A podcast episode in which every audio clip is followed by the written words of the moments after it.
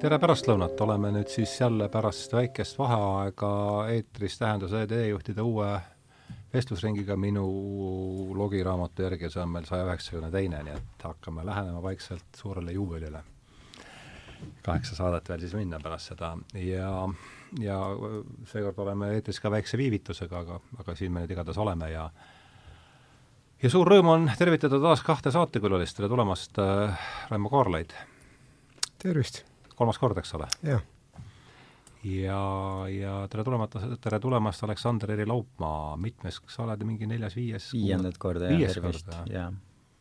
jah, teenekas, mõlemad teenekad saatekülalised.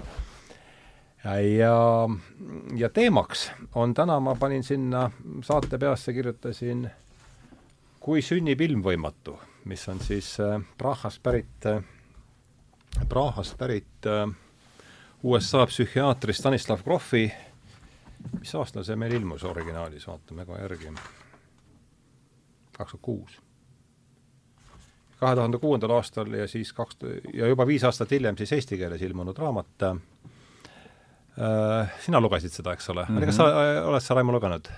jaa, ma niimoodi diagonaalis olen aga, aga veel kord jah, see on see raamat, see on selle saate töö pealkiri ja aga, aga põhjus, mis me siis, mis me, mis me, või põhjus, kes meid täna kokku tõi, on siis Stanislav Grof, et räägime temast laiemalt, ei piirdu, ei piirdu siis tingimata üldse selle saatele siis vähemasti töö pealkiri andnud raamatuga, kui sünnib ilmvõimatu.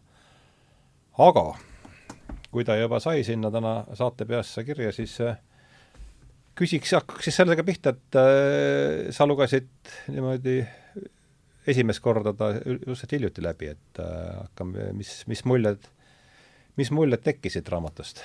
no ma ütleksin niimoodi, et ta on selles mõttes äärmiselt lihtne lugemine, kuna ta koosneb väga lühikestest kolme-nelja leheküljelistest erinevatest seikadest siis Stanislavi, äh, tema naise ja tema patsientide elust ja on väga lihtsasti kirjutatud, ehk siis ma arvaksin, et see on selline raamat, et kui on mingid inimesed, kellele kogu see alateadvus, müstika, psühhedeelne maailm tundub väga keeruline ja väga raskesti kättesaadav, siis see on üks selline kõige lihtsam äh, esimene äh, tee sellesse, sest ta on tõesti väga-väga lihtsasti mõistetav. jah, sest keerulist ei ole seal tõesti midagi, lihtsalt, lihtsalt lood äh, ja saab tolleks ajaks saanud, oli juba tema esimene LSD enda enda seanss oli tal tuhat üheksasada viiskümmend kuus, nii et tal on viiskümmend aastat praktikat, rohkemgi, sest al-, alguses ta istus ju teiste, teiste seansside juures, et äh, mis, äh, Raimo, mis sul alustuseks äh, on öelda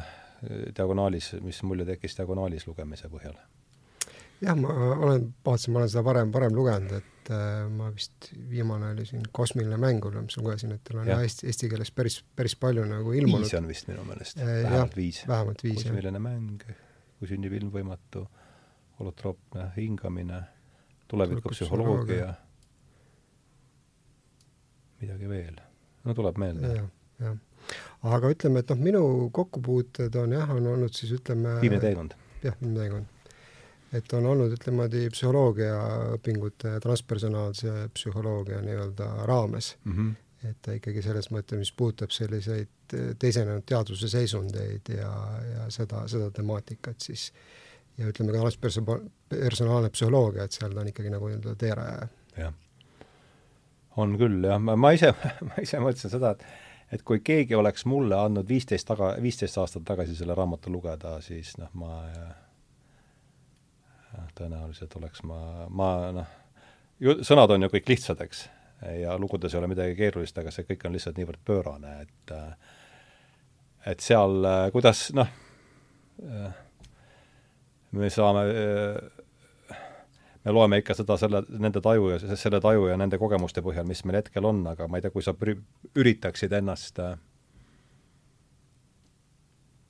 nüüd värskelt seda raamatut lugeda, kui sa nüüd üritaksid ennast asetada inimese olukorda, kellel on see noh, kes ei olegi Aktuaalse kaarma kaamera, kaamera eest ära tulnud kordagi, et äh, mulle tuleb pähe sellega lause, mida sina ise oled mitu korda öelnud, et äh, kuidas see on, et teooria säilitamiseks on võimalik kogemust eitada. jah, et aga kas see on see, mis sa proovisid öelda sellega, et kui sina oleksid seda viisteist aastat tagasi lugenud, see oleks olnud nii kummaline ja nii teisest maailmast, et sa pigem oleksid lihtsalt selle kuskile kasti pannud ja ära pakkinud? noh, täpselt Või..., jah, see on nii veider ja see puudub igasugune seos kogemusega ja, ja kõige sellega, millest räägivad, millest kirjutavad lehed, millest, millest, mida räägitakse koolis, mille, ma ei taha seda vaesest Aktuaalset Kaamerat siin nuhelda, et ei ole ta halvem ega parem kui see ülejäänud asi, eks, aga et noh, pigem kasutan teda sellise sümbolina kogu selle peavoolu, peavoolu paradigma jaoks, et et noh, ta on ju täiesti paradigmast väljas asi, eks, et noh, selles ongi see, see on see asi, miks ta mulle on huvi pakkunud ja mul just lõppes tas kursus siin EBS-is, et et ega ma ei oskagi täpsemalt seda küsimust äh, sõnastada, aga et noh, me võib-olla on mingid märksõnad ees, mille, millega saad haakuda. Äh, see, mis mulle esimesena pähe tuleb, on see, et nagu ta ise ka mainis siin Carl Saganit, kes mm -hmm. oli ju väga mitukümmend aastat ja siiamaani inimeste jaoks on täielik äh, kangelane mm, -hmm. sest tema oli ka ju kogu pseudoteaduse ja kõige selle vastu. ja see seik, mida ta siin raamatu lõpus seletab, kuidas ta Carl Saganiga kohtus ja kui ta talle ette käis mingisugused seletamatud asjad, siis Carl Sagan lihtsalt väga ilusasti ütles talle ju, et kuule, aga niisugust asja ei ole ju kunagi juhtunud, et lõpeta, lõpeta jutt. et täpselt seesama lause, mida sina tihti kasutad, et teooria säilitamiseks on võimalik kogemust äh, eitada. ja, ja teine asi, mis mul sellega pähe tuli, mis märk märke ma endale kirjutasin, kui ma lugesin seda raamatut, oli see, et mõned aastad tagasi ma kuulasin intervjuud Michael Shermeriga ja Michael Aha. Shermer on siis selle Skeptic Magazine'i peatoimetaja olnud juba mingisugune, ma ei tea, kolmkümmend aastat või midagi niisugust, ja iga kahe aasta tagant kirjutab uue raamatu sellest, kuidas kõik, mis paranormaalne on, on tegelikult inimeste välja mõeldud ja niisugust asja ei ole olemas. ja siis seal intervjuus äh, talt pärast mitut tundi küsiti, et, et noh, aga kas su enda elus tõesti ei ole mitte kunagi midagi juhtunud, mis on nagu seletamatu või, äh, või paranormaalne ja siis Michael Shermer ütles selle peale, ja ma ilmselgelt parafraseerin, sest see oli mitu aastat tagasi, kui ma seda kuulasin, aga et tal oli raadio, tal oli vana raadio, mis ei olnud aastaid ja aastaid töötanud. kas seal olid patareid sees tühjad või see raadio lihtsalt ei töötanud, ühesõnaga see oli aastaid ja aastaid ja aastaid olnud tal äh, kapis ja mm -hmm. mitte töötanud. ja sellel päeval, kui ta abiellus oma naisega, siis olles selles ruumis, kus see raadio on, siis see raadio lihtsalt läks tööle ja hakkas mängima mitte mingisugust populaarset laulu, vaid mingisugust spetsiifilist saksakeelset laulu, mis oli lapsepõlves temal olnud mingisugune lemmik, lemmiklaul ja mängis selle laulu lõpuni ja siis jäi raadio vait ja rohkem enam kunagi ei töötanud ja siis ta ütles ka, et noh, aga mis seal ikka, et noh, et küllap mingisuguses kuskil patareis oli natukene veel vurtsu sees ja siis ta just kogemata sellel hetkel tuli välja ja siis noh, mingisuguse sellise seletuse leidis sellele ja sai jälle oma eluga edasi minna. ütles, ütles teooria, yeah. teooria päästmise nimel kogemusest lahti mm. -hmm. jaa äh, mis äh,, sama küsimus sulle, et kuidas äh, noh, krohv ja kehtiv paradigma siis, ütleme niimoodi, kuidas sa seda, kuidas sina sellesse, kuidas sina selle palliga põrgataksid, millele on kirjutatud krohv ja kehtiv paradigma? noh, ma arvan selles mõttes, et et omalt poolt nagu vaadata, et lihtsalt selles mõttes, et nii-öelda on selline siis noh, tavaline psühhi-, psühholoogia või psühhiaatria, eks ju, mis vallas ta nagu töötas, ja, ja seal on siis nii-öelda nagu äärealad, eks ju, millega nii-öelda sellise noh, sinu, sinu see väljend, et, et joonlauapsühholoogia, et, et on noh, mingisuguseid asju, mida nagu saab joonlauaga mõõta ja aga ütleme, et kui minna sinna äärealadele ja rääkida nii-öelda inimhingest, siis või, või nii-öelda teisenenud teadvusseisunditest, siis noh, seal on see joonlauaga mõõtmine on suhteliselt keeruline. ja ta siis nii-öelda on, on läinud sinna nendele äärealadele et noh, ilmselt sellel on ka omad, omad põhjused, et ka tema enda nii-öelda isiklikud kogemused siis nende teadvuse teisende seisunditega. ja ta on siis nii-öelda olnud seal vallas siis nii-öelda see teeraja ja, ja neid äh, piire avardanud, et ta ise äh, kasutab ka sellist väljendit nagu psüühekartograafia yeah ja minu meelest see nagu väga hästi ilmestab, et, et ta on siis nii-öelda üritanud kaardistada neid kaardistamata siis äh, psüühialasid, noh, mida on ka paljud teised enne ja peale teda nagu teinud. ja, ja noh, ilmselt need äh, kuna need uued kaardid või, või, või on siis suhteliselt alguses sellised nagu ebatäpsed ja võib-olla ka nagu hoomamatud nii-öelda siis selle äh, kehtivale paradigmale, et siis noh, loomulikult nad lähevad, lähevad vastuollu ja, ja võib-olla ei võeta kõike tõsiselt, eks ju mm. -hmm. Äh, psüühikartograafia, mis, kas sealt käib see ka tõenäoliselt läbi, see, see see, ma ei, see termin täpselt ei tule meelde, aga see on üsna lihtsasti mõistetav ja. termin, selles mõttes, et ta räägib, selles mõttes, et ta sellest temaatikast räägib ju ilmselgelt palju, kas ta seda täpset terminit kasutab, ma ei mäleta, et oleksin raamatus äh, kasutanud, aga äh, jah, sest ilmselgelt äh, kui vaadata mingisuguseid neid kogemusi, mida ta siin kirjeldab, kuidas äh, keegi, ma ei tea, holotroopse hingamisseansi või äh, LSD selle teraapia käigus kogeb seda, kuidas ta on, ma ei tea, viieteistkümnendal sajandil kuskil Prantsuse kloostris mingisugune munk, kes tullakse ja ära tapetakse, siis see on selline väga, väga raske asi ilmselgelt, mida kuskile vihikusse nagu sisse kirjutada, et siis kui patsiendil see juhtub, et mida siis järgmisena, järgmisena teha. et see laseb meil ju selles mõttes tegelikult ka mõista seda, miks see meie mm, meditsiini- ja teadusmaailm selline on, sest neid asju, mida on raske kirjeldada ja neid asju, mida on raske mõõta, laua alla just, no aga see ongi keeruline, sellepärast et mida rohkem selle paradigma raames. just, aga see, mis ka kehtib, on see, et mida rohkem me hakkame neid kirjeldama, siis see mm, see hoomamatu ja see müstika, see lihtsalt, äh, see liigub lihtsalt edasi järgmistele äärealadele mm. -hmm. sest sellist asja ei saa olla, et müstikat enam ei eksisteeri, sest siis ta ei oleks müstika, eks ole, et äh, eks selles kontekstis siis seletamatu. just.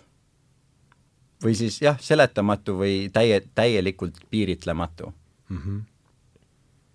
jah et võib-olla ütle üldse selle Krohvi nagu mõistmiseks peaks natuke minema nagu tagasi ja mm -hmm. vaatama tema seda kujunemislugu. et ta on, siis sündis kolmekümne esimesel aastal äh, Prahas ja ta oli seitsmeteistaastane, kui see oli siis äh, neljakümne kaheksandal aastal Äh, siis äh, kohalik siis salapolitsei äh, süüdistas teda seda ma ei teagi, seda lugu. kommunistlike lendlehtede levitamise eest ja ta oli, ta oli mitu kuud oli eeluurimisvanglas oli. kus sa seda, see on mulle täiesti no vot, oma enda, ema, enda memuaaridest. ahah, väga huvitav, nii. ja ta oli siis eeluurimisvanglas ja ta ise ütleb, et ta seal siis koges oma esimesi, esimese nii-öelda müstilise siis äh, kogemuse mm -hmm. seal, seal vanglas olles. ja äh, ja tal oli, plaan oli üldse, ta oli, ütleme, sellise kunstihuviga ja, ja see tuleb juba tuttav ette. jah, ja tal oli siis plaan minna animatsiooni õppima mm. -hmm. ja äh, enne siis õppima asumist talle sattus äh, kätte Freudi äh, üks teos psühhoanalüüsist ja ta oli siis nii-öelda nii vaimustuses sellest teosest, et ta otsustas, et äh, et ilmselgelt on psühhoanalüüs see ala, mis ta tahab õppida. ja kuna tollel ajal siis äh, psühhoanalüütikuna töötamiseks pidi olema siis psühholoogi või psühhiaatri haridus, nii et ta siis astus siis Praha meditsiini, meditsiinikooli ja spetsialiseerus siis nii-öelda psühhiaatria peale mm. -hmm. ja, ja sealt läheb siis nii-öelda, rullub lahti see LSD lugu, et äh. nelikümmend äh, nelikümmend kaheksa oli see esimene müstiline kogemus siis? jaa, nelikümmend kaheksa oli esimene müstiline kogemus seitsmeteistaastasena ja vabandust, et ma segan vahele, kas sul, seal, sul on meeles ka, mis see müstiline kogemus oli? tead, ta, ta ei kirjeldanud seal et ta okay. ütles, ta ütles, et tal oli siis äh, seal vanglas olles äh, noh, mingi, mingi teisenenud taju ja mingi, et noh, et mm, -hmm. et ja, ja ta sellest ei ole ka nagu rääkinud ka, et, et kas ta siis päriselt ka neid lendlehti levitas või ei levitanud või, või mis temaga seal tehti, eks ju. aga, aga no ütleme niimoodi, et eks me teame omast ajast, et ega see äh, Patarei vangla pani ka ilmselt selle inimpsüühia nii-öelda äh, proovile ja mm, -hmm. ja lõi siis nii-öelda soodsa, soodsa pinnase erinevate tajuelamuste tekkimiseks. aga siis eh, viiskümmend neli, eh, viiskümmend kuni viiskümmend kuus ta oli siis meditsiinitudeng ja viiskümmend neli oli siis see aasta, kui siis Äh, Sandos saatis nii-öelda siis selle LSD proovid äh, üle maailma laiali ülikoolidesse jah, ja siis tema juhendajale äh, siis Prahasse. ja siis viiskümmend neli oli tal siis äh, esimene siis nii-öelda, ta oli siis nii-öelda, sai osaleda selles eksperimentaalses äh, aga pealtvaatajana ja, ja kaasaelajana, eks, mitte ise, ise, see oli viiskümmend kuus kindlasti jah, võib-olla jah, viiskümmend kuus oli siis oli see, kus ta ise, ise kus ta ise sai, jah ja., seal oli see, et, et, et vist enne, enne mingisugust teatud tudengitel ei lastud, ei, ei, ei lubatud ja, osaleda seal, jah? jah, jah, peale lõpetamist. jah ja, ja noh, ta ise on öelnud, eks ju, et siis peale seda nii-öelda kogemust oli tal nii-öelda selge, millega ta oma ülejäänud elu ja karjääri nii-öelda tegeleb see tuleb sulle ka tuttav ette, kui ta kirjutab ju sellest tolles raamatus ka, eks? Äh, sellest, noh sellest, et kui ta seda esimest korda koges jah, et siis, et kuidas elu järsku väga tugevalt muutus ja otsustas sellega tegeleda, sellest ta kirjutab ja see asi, mis mulle selle neljakümne kolmanda aastaga hästi tugevalt seostus ja te rääkisite ka sellest, mitte päris samast asjast, aga mingist teisest teises saates, kus te Krohvist rääkisite jah, see ei ole meil esimene kord rääkida. oli see, et Äh, nelikümmend kolm on see, kui Hoffmann LSD sünteesis ja. ja see on sama aeg, kui töötati Manhattani projekti kallal mm. -hmm. Et see, et tuumapommi leiutamine ja esimesed katsed toimusid täpselt samal ajal, äh, kus toimus selline kõige suurem plahvatus ka inimeste sisemaailmas, on minu arust lihtsalt niisugune kummaline sümboolne poeesia, mis aset leidis. sest läbi, läbi tuumapommi äh, katsetuse, mis juhtus, oli see, et inimestele pandi näo ette teadmine sellest truismist, mis on eksisteerinud igas vaimses õpetuses, mis on see, et see, mida sa teed teistele, seda sa teed iseendale ja. me oleme selle hirmus kaheksakümmend aastat, eks ole, elanud, et kui keegi tuumapommi kuskile viskab, siis me kõik sureme ära. ehk siis kui ma tapan kedagi teist, tegelikult ma tapan ka äh,, tapan ka iseennast mm. -hmm. ja mida LSD inimestele andis äh,, oli täpselt samasugune arusaam selle kõige, kõige ühtsusest ja sellest, mida ma teen teistele, ma teen iseendale ja. minu see jaoks on lihtsalt äh, ilus poeesia, et need juhtusid äh, samal ajal mm. -hmm. mis sa sellest mõttest arvad?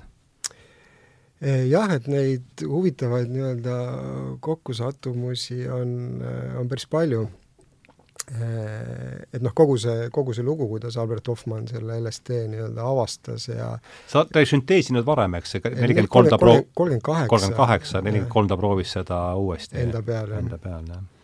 Et noh, ka see, millest Hoffmann on rääkinud, et kuidas tal nii-öelda noh, tekkis mingi tunne, et seal, et seal selle ainega midagi on ja vaatamata tema nii-öelda äh, siis selle ettevõtte äh, soovitustele vaatamata ta nii-öelda ei ole huvitav asi, aine. jah, et ei ole huvitav, eks ju, aga noh, tal endal oli ja ta jätkas selle uurimist Ja. ja sellega seoses ka, mida Krohv siin palju mainib, on see ja mida inimesed kindlasti ka oma elus kogenud on, kes on midagi müstilist kogenud, on see, et äh, sünkroonsused hakkavad pihta mitte pärast mingisuguse aine tarvitamist või mingi protsessi alustamist, vaid nad hakkavad pihta ennem mm. -hmm. ehk siis, kui keegi on teinud oma elus, elus otsuse näiteks mingisugust äh, tugevat psühhedeelikumit tarvitada, siis see on väga-väga sage, et sul hakkab kas päevi või nädalaid varem, sa hakkad juba igasuguseid sünkroonsusi äh, tähele panema. aga see, see, see tuleb sealt raamatust, sa ütled, jah, mul see, see koht mul ei ole isegi meeles. ja, ja, ja, ja see viitab ka sellele,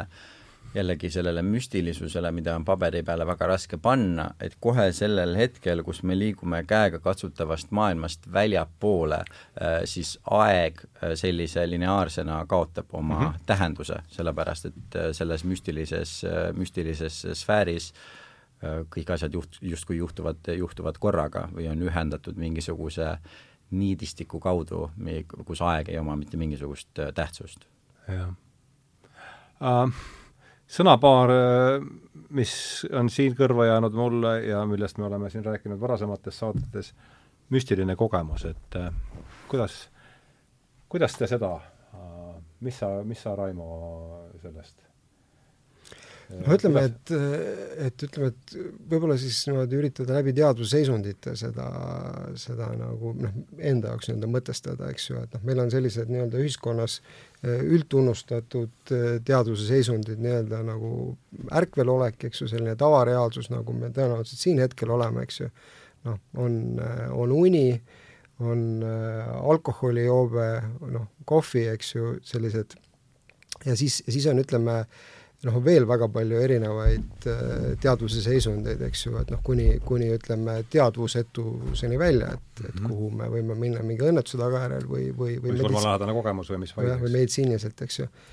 ja, ja ütleme, et selline noh äh,, üleüldine, ütleme, psühhiaatria, psühholoogia, et, et kõik, mis läheb sellest meie nagu tava, tavateadvusest läheb välja, et noh, üritad ikkagi sinna nii-öelda patoloogia, patoloogia poole peale panna. Ja see oli ka nagu siis Krohvi, ütleme, siis selline panus, et, et ka see tema, ütleme, see teos, see Revisioning Psychology, et kus ta, kus ta siis juhibki tähelepanu sellele, et, et psühhiaatrias, et Revisioning Psychology on Hillman ikka? Äh,? Okei okay,, vot ühesõnaga võib-olla on segamini, aga mingi, mingi sarnase, sarna-, sarnase, sarnase nimega raamat on tal ühesõnaga äh,. tulevikupsühholoogia on psühho- äh,, on kindlasti Krohvil.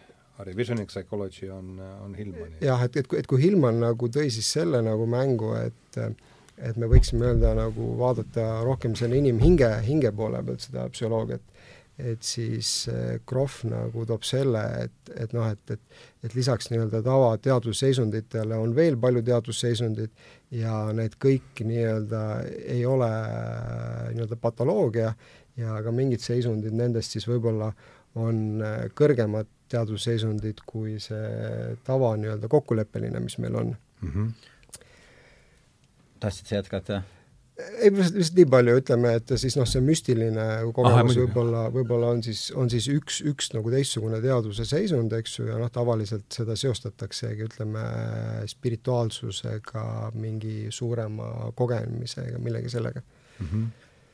Uh, mina isiklikult arvan, et uh, see on uh, Krohvide üks kõige suurem teene, mis nad on meie maailmale teinud, on see uh, et nad tõid äh, sellise termini nagu spirituaalne kriis või spirituaalne hädaolukord äh, meie Spiritual emergency. just täpselt, meie leksikoni mm. -hmm. ja kui keegi ei ole siis sellest kuulnud, siis mida see põhimõtteliselt tähendab, on see, et tihtipeale need asjad, täpselt nagu Raimo rääkis, mida patologiseeritakse, mida me nimetame skisofreeniaks, psüh-, psühhoosiks, häälte kuulmiseks, igasugusteks sellisteks asjadeks, on tegelikult Äh, psüüheviisid ennast nii-öelda ümber organiseerida ja siis äh, sügavamal tasemel äh, sellise uuele vundamendile nii-öelda kokku panna.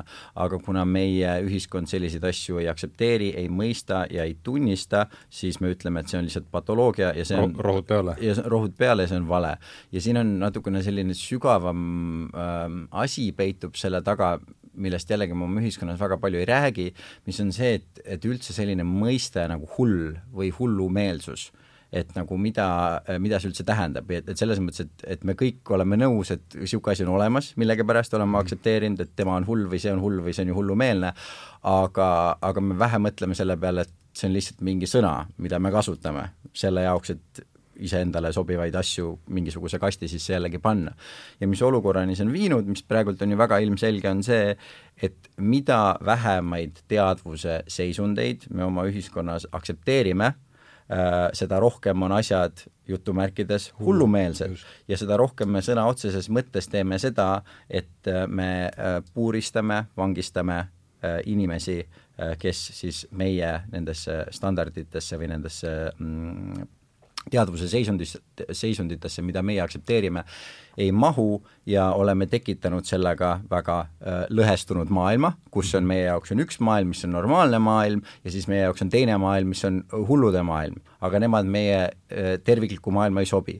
ja nüüd, kui me mõtleme selle sõna peale, mida tähendab skisofreenia, eks ole, skisofreenia tähendab äh, siis reaalsuse lahustumist, eks ole, kahte erinevat reaalsust. ehk siis meie enda definitsiooni põhiselt läbi selle, mismoodi me tegutseme hullumeelsete inimestega, mitte aktsepteerides nende kogemusi ja tõstes need mingisse kindlasse kasti, siis meie enda maailm on meie enda definitsiooni põhiselt skisofreeniline, sellepärast et me ei suuda mingisuguseid teadvuse seisundeid aktsepteerida ja integreerida mm. -hmm üks, eh, keda on äh, tsiteerinud äh, Krohv palju, on äh, Michael Harner, ma ei tea, kas selline me-, mees ütleb midagi teile mm, -hmm. tema äh, oli antropoloog, kes oli siis kusagil viiekümnendatel aastatel, ta oli ka Ama-, Ecuadoris vist oli siis, no ühesõnaga Amazon, Ama-, Amazonias. ja tegi seal läbi šamanistliku initsiatsiooni ja tuli siis tagasi, noh, oli, säilitas oma pagunid. ja, ja lõpuks asu-, asutas Connecticutis siis šamanismi uuringute keskuse. Ja tema on siis öelnud, et lääne tsivilisatsioon on kognitsentriline ja etnotsentriline. ühesõnaga, et noh, see ainult, ainult see, mis, mis meil siin on, on, on õige, kõikide, kõik ülejäänud on siis noh, noh, šamaanid ja kogu see džungliseltskond, need on äh, peast põrunud niikuinii, ja, ja siis äh, ja noh, nagu sa siin kord, kordan üle, see on see, mida Haaran ütleb, et me tunnistame ainult teatud teadvus, teadvusseisundeid ja, ja heidame siis, ja noh, teine kohe, mis sellest hälbib, on kohe, on kohe patoloogia, et sina oled nüüd erinevalt meist, Aleksander Eeriga, ka psühholoogiat ülikoolis õppinud, eks? või sa tulid hiljem Jungi jah, ma tulin hiljem. tulid hiljem, no aga noh, ikkagi, et kuidas sa, kuidas sina seda kommenteerid? jah, et äh, võib-olla ka läbi Krohvi selle koha pealt, et, et, et üks, mis Krohvi nagu suur panus äh, selle seisundite uurimisse ongi see, et, et et ta räägib nii-öelda äh, tervendavatest ja transformeerivatest äh, seisunditest. et, et kus ütleme, on, on teatud seisundid, äh, milles siis nii-öelda toimub siis nii psüühiline kui ka füüsiline tervenemine või ka siis ütleme, eneseareng või, või endast teadlikuks, teadlikumaks saamine. Ja et, et noh, kui, kui seda võtta kas või seda, et, et ütleme, et uni on meie psüühele nagu äärmiselt vajalik, ilma selleta me sellega tegeleb ka peavooluteadus veel, eks ole, siin põhimõtteliselt ainuke erand on see, kus on vist, eks ole, uni on uni jaa, aga, aga unenäod mitte, unenäod nende jaoks on lihtsalt vaimurämps, mis, mis välja visatakse, see on siia nagu kogu teadvus noh, põhimõtteliselt, eks vaimu see aga unenägude tähtsust siiamaani keegi, see, et, see, et me nagu kolmandiku oma elust või noh, oleneb no neljandiku, viiendiku oma elust lihtsalt äh, oleme mitte teadvus, teadvusel, aga näeme igasuguseid fantastilisi asju, see lihtsalt ei tähenda mitte midagi mm. -hmm. no jällegi, see on, see on, kui me võtaksime, vabandust, et ma tulen jälle sellesama teemaga vahele, aga kui me võtaksime ühe nii-öelda klassikaliselt hullumeelse inimese või psühhootilise inimese või skisofreenilise inimese ja kirjeldaksime tema, eks ole, haiguse kulgu, mis on see, et ta on, äh, tal on mingisugused kindlad mustrid, mis tal peas käivad, ta hoiab ainult nendest kinni, kogu üle maa, ülejäänud maailma heidab kõrvale, kõik tõendusmaterjal, mis väidab vastupidist tema, tema luuludele, selle ta heidab kõrvale, siis jällegi meie see süsteem, et unenäod ei tähenda mitte midagi, äh, muutunud teadvuse seisundid ei tähenda mitte midagi, läheb täpselt sellesama diagnoosiga üks-ühele kokku. et jah, nii, nii nagu, ei, okei okay., et eh, nii nagu eh, noh, nii-öelda uni mõjub meile hädavajalikult, eks ju, noh, nii on ka ütleme siis teatud nagu teadvuse seisundid, mis omavad sellist tervendavat äh, potentsiaali, noh, millega ka paljud äh, teraapiad äh, töötavad. ja, ja Krohv on siis väga põhjalikult nii-öelda uurinud neid ja ja üritanud ka siis ütleme ka teaduslikult sellele, sellele läheneda. Ja on siis noh, nii-öelda teatud, teatud siis nii-öelda seisundid ja mustrid on, on ära kaardistatud ja et seesama, sama ütleme, holotroopne hingamine, eh, mille siis eh, rajaja koos oma abikaasaga ta on, ta on, eks ju mm. -hmm ma ei tea, kas sul on järsku, et asi ei jääks liiga selliseks äh, üldsõnaliseks, on sul sealt raamatust mingi ere, ere näide meelde jäänud? ma tegin igasuguseid inimesed, märkmeid ja keerasin palju ole..., palju lehekülje nurkasid äh, siit ära. Äh, mul äh, tuli äh,, ma mõtlen, mis siit äh, no kõik need, mis ma tegin, et ja siin on muidugi oluline ju rõhutada seda, et need kõik toimusid äh, või suur osa nendest katsetest äh, toimusid ju Marylandi, Marylandi äh, riiklikus, see, see toimus ikkagi, see ei toimunud kusagil loitsu keldri taga, see, need ürit-, need, need epi-, need kats- või need seansid, millest ta kirjutab, ei toimunud kusagil keldris, äh, vaid need toimusid riiklikes äh, John, John, John Hopkinsi ja, ja ja. ja enne seda ka Praha erinevates Just. ülikoolides ja teadusasutustes. et seal on ikkagi jah, templid on all nendel, äh, nendel siis jah, ja ütleme Pro, ütleme protokollidele või kuidas neid nimetatakse et kui veel natukene nagu ajaloost rääkida, et siis needsamad äh, uuringud siis Äh, Prahas nii-öelda äh, viiskümmend neli kuni kuuskümmend kaheksa, äh, mis on iseenesest päris, päris pikk, pikk aeg, et seal tehti nii-öelda tuhandeid LSD seansse. Prahas, jah? Prahas Ja, ja. enne ja, ja peale seda, peale seda ka siis äh, USA-s, kus, kuhu Krohv siis äh, emigreerus äh, äh, peale Praha kevadet ei, ta oli enne, enne Praha kevadet. ta läks enne Praha aga jäi kevadet, sinna. et läks, läks, läks sinna Ja siis ta jäi, jah. täiendama jah, Jah. ja siis kui Praha kevad, kevadne kuhtus, ta sai aru, et, et ta ei saa enam tagasi minna, et kui tagasi läheb, et siis ta seda ennast, teda sealt enam välja ei lasta. see on võib-olla siin oluline mainida ka ajaloolises kontekstis, et praktiliselt kõik psühhedeelsed uuringud, mis viimase kümne aasta jooksul tehtud on äh, igasuguste äh, seoses depressiooni, ärevusega surevate inimeste nii-öelda hädade kõrvaldamisega äh,, suitsetamisest loobumisega äh,, millest väga palju on räägitud ja mis on sellele väga palju hoogu juurde andnud äh,, põhimõtteliselt kõik needsamad uuringud tegi, tehti viiekümnendatel, kuuekümnendates Prahas äh, juba ära ja me põhimõtteliselt kordame neid samu asju lihtsalt, sest ja, me ja teame juba Krohv on selle renessansi ikkagi üks Jaa. kõige olulisemaid nurgakive väga-väga oluline ilma igasuguse kahtluseta. et me ei ole, me ei ole isegi veel jõudnud sinna, et kus me hakkaks nii-öelda testima ja proovima midagi uut ja vaadata, mis tegelikult kõik need, me oleme need, need kõige nii-öelda madalamad viljad on need, mille korjamisega me praegult tegeleme. aga ma siia juurde tahan öelda ka, enne kui ma loen siit seda esimest lõiku, mis, mis ma, kus me, mis ma endale siin ära märkisin, et juba, mis paraku psühhedeelses tead-, teaduses, mitte siis teadvuses toimub, on see, et juba tegeletakse sellega, et äh, psülotsobiinilt ära võtta äh, müstiline element mm. -hmm. proovitakse sellega väga tugevalt tegeleda. Et see müstiline komponent sealt, sealt kaoks, sest see on jälle see osa, eks ole, mis on ettearvamatu ja äkki me saame lihtsalt tekitada needsamad positiivsed tulemused ilma selleta, et inimene müstilise kogemuse saaks mm. -hmm. jällegi, tee põrgusse, sillutatud, eks ole, heade kavatsustega. ja teine asi, mis on, on see, et üks asi, mis on nii metsikult oluline, mida tema siin rõhutab, mida ta räägib ka siis, kui ta oma sellest äh, India sellest guurust räägib, ja mis on nii tugevalt kõrvale jäetud sellest tänapäeva psühhedeelse äh, nagu maailma selle nii-öelda niisuguses võlus ja vaimustuses, on see, et võib-olla isegi olulisem kui see psühhedeelne aine või substraat ise on see preparatsioon, mille inimene teeb läbi selle jaoks, et ta oleks selleks valmis, mitte üheski äh, loomulikus kontekstis, kus inimesed on aastatuhandeid psühhedeelikume tarvitanud, nad ei ole teinud niimoodi, et lihtsalt korjavad maast seeni ja söövad ja vaatavad, mis juhtub.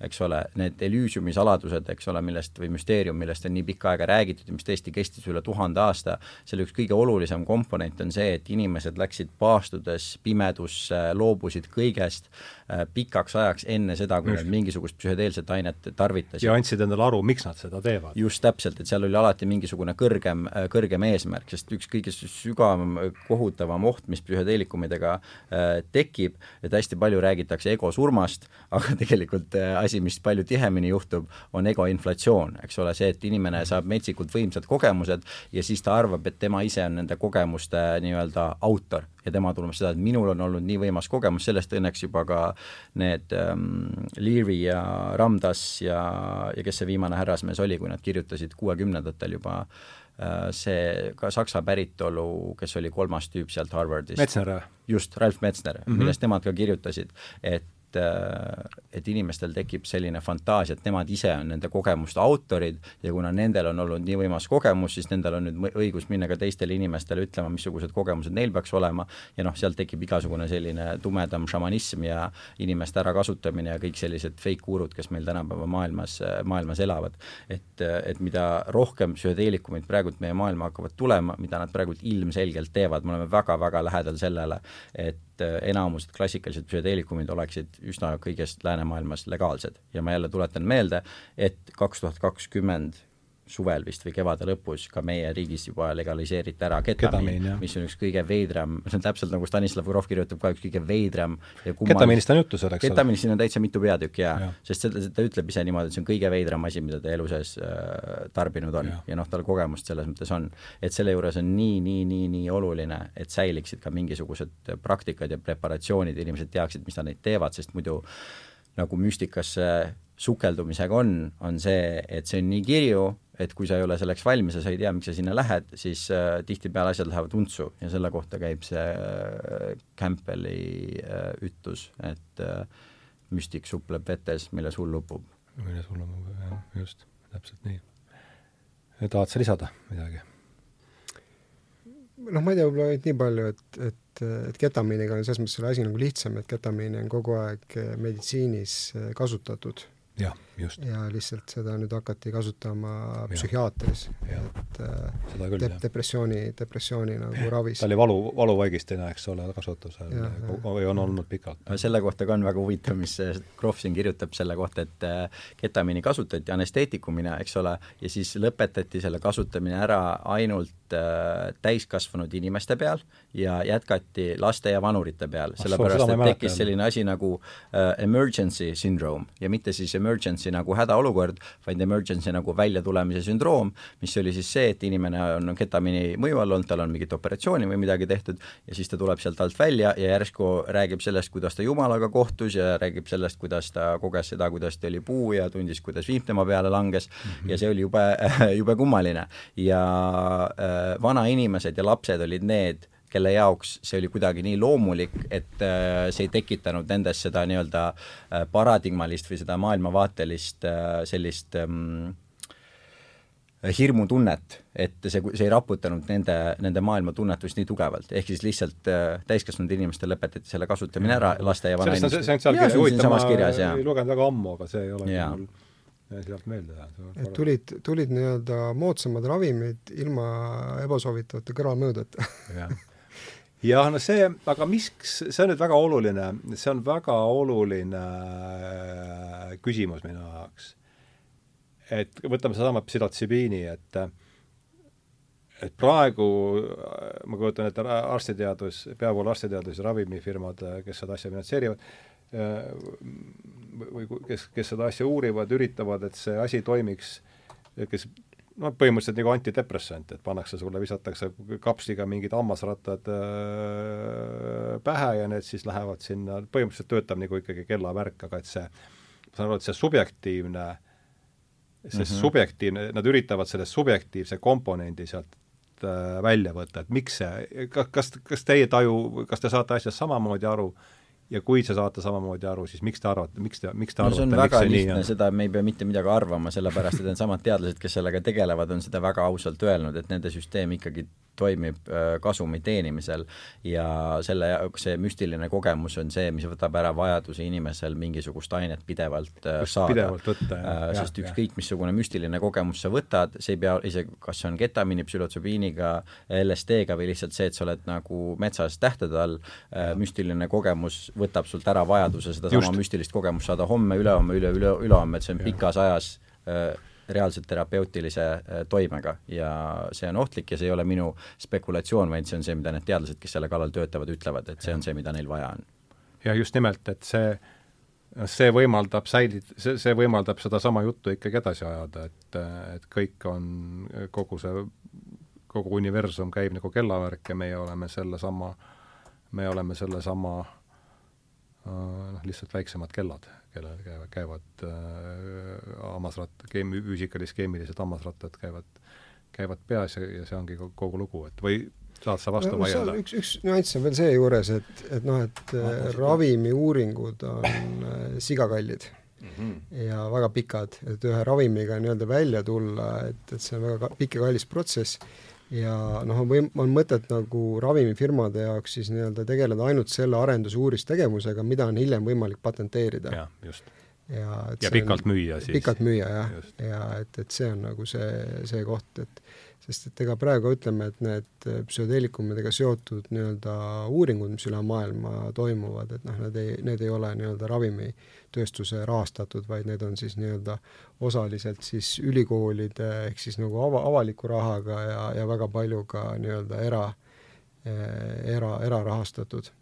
et noh, hea näide, ütleme, on siin, hetkel on, on MDMA, mida on äh, siin üritatud juba aastast kaheksakümmend neli nii-öelda legaliseerida ja ja ja kui palju seal on meie, ma lugesin seda ühte, kui palju seal on meie turvalisuse pärast muretsetud? alates kaheksakümne neljandast aastast on seda uuritud, aga vabandust, ma segan sulle rääkida. jah, jah, et ja, ja noh, seal ongi see, et aga et ikkagi, et selleks, et saaks selle nii-öelda teraapiaga legaalselt välja tulla, noh siis on vaja ikkagi selle äh, Ravimiameti, USA-s on siis FDA äh, nii-öelda protsessid nagu läbida, mis ongi väga kallid ja väga pikad, ja kui seda alustati siis nii-öelda entusiastide rahastatult, et siis nüüd äh, viima-, viimastel aastatel on, on väga palju sinna tulnud siis Ameerika nii-öelda valitsuse rahastust taga, taha just sellepärast, et ta on väga efektiivne posttraumaatilise stressihäire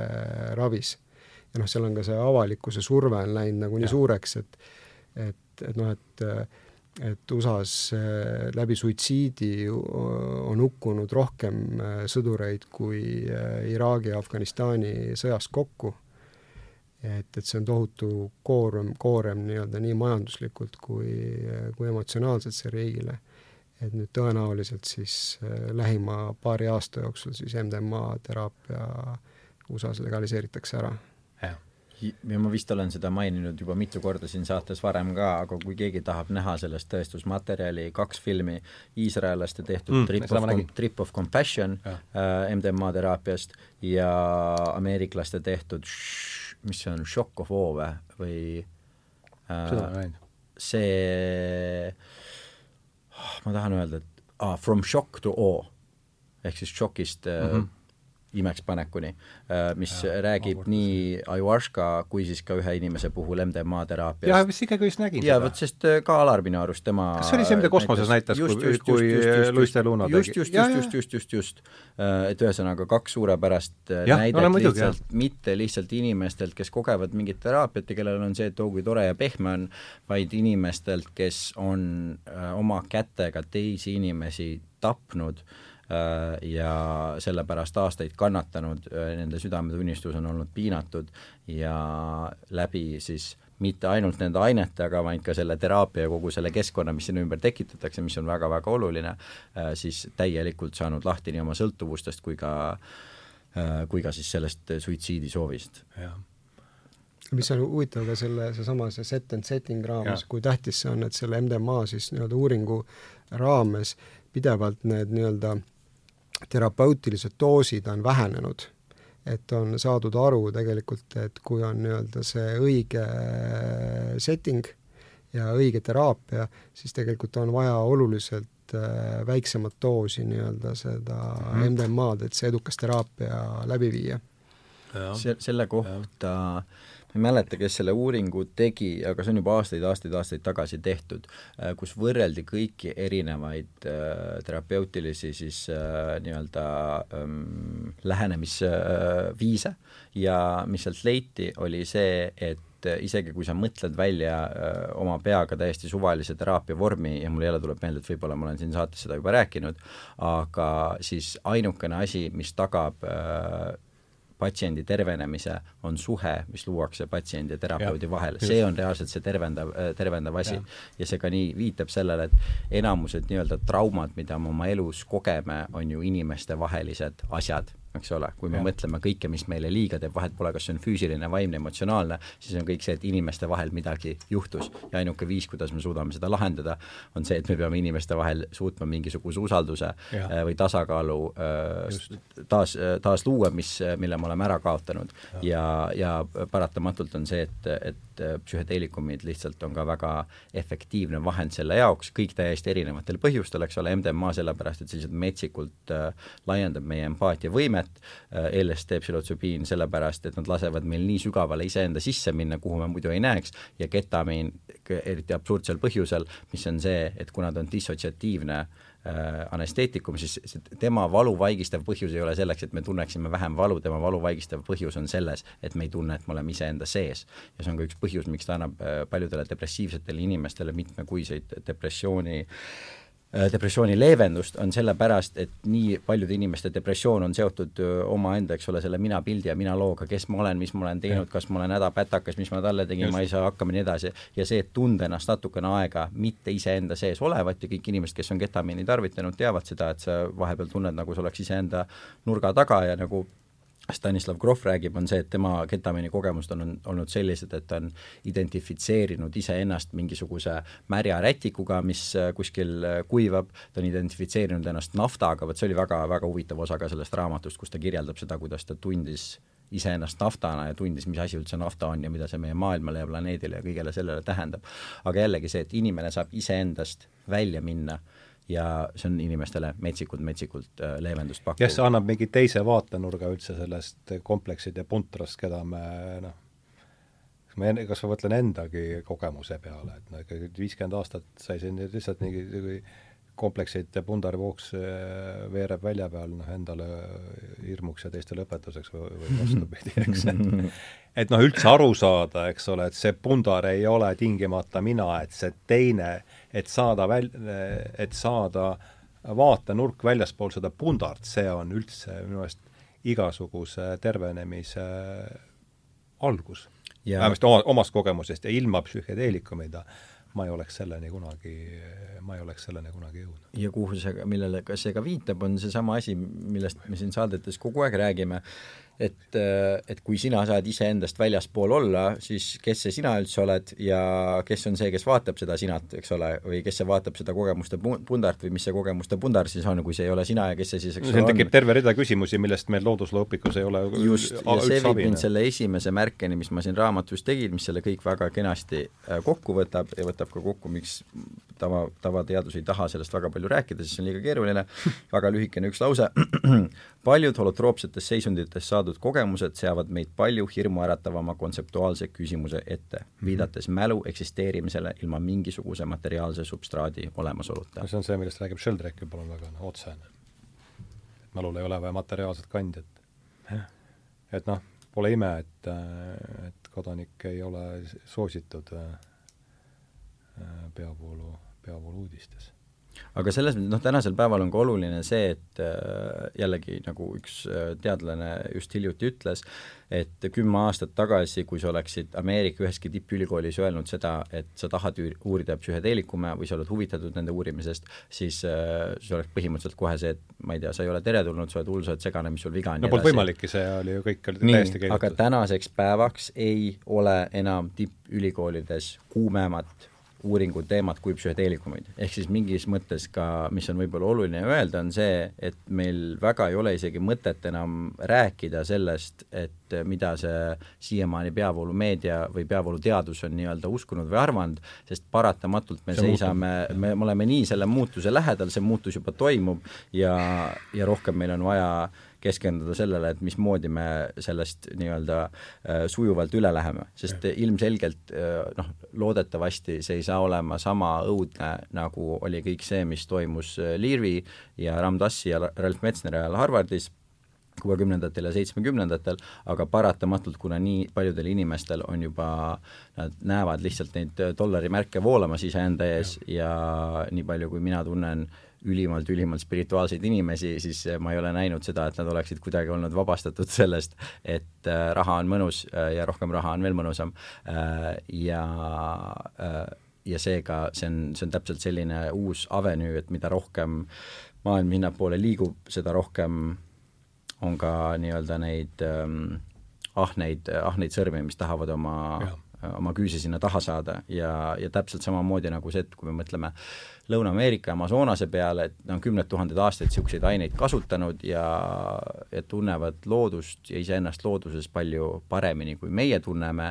Ja ometigi isegi seal ühiskonnas nad kõik räägivad nendest äh, ma ei tea, mingi Brujerod või mis nende nimed on, eks ole, kes on seal äh, igasugused need äh, kurjemad šamaadi, kui ma võib-olla vabalt võin seda sõna valesti öelda, nii et ärge tsiteerige mind aga et siiamaani ka seal ühiskonnas eksisteerivad šamaanid, kes äh, turistid lihtsalt, eks ole, ära tinistavad ja võtavad raha ära ja vägistavad ära, sellepärast et äh, isegi sellistele inimestele võim on ikkagi väga sõltuvust, äh, sõltuvust tekitav asi, ehk siis sellepärast lihtsalt, et me psühhedeelikumid legaalseks saame, inimesed neid kasutada saavad ei tähenda seda, et meil kõik probleemid ära kaoksid, vaid tähendab lihtsalt seda, et me hakkame uute probleemidega tegelema. uute probleemidega, just nimelt jah, see on, see on küll ilmselt vist, vist nii.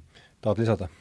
võib-olla, võib-olla seda, et noh, et, et üldse, et, et noh, miks need psühhedeelikumid nagu ära keelati ja, ja, ja kus, kus, kus, kus see taust on, eks ju, on, on, on päris huvitav, et et et siin tuleb, tuleb mängu nii-öelda äh, Äh, Vietnami sõda ja siis nii-öelda külm sõda ja vastasseis kommunismiga, et, äh, et noh, seal ütleme, et okei okay,, et üks, üks teema oli see, et mis, mis see Timothy Leary, eks ju, et öö, oma panuse andis sellele, et nii-öelda kus, kus ühiskond nagu nägi, nägi sellise tava, tava, tavapärase nii-öelda ühiskonna siis nii-öelda nagu lagunemist, eks ju.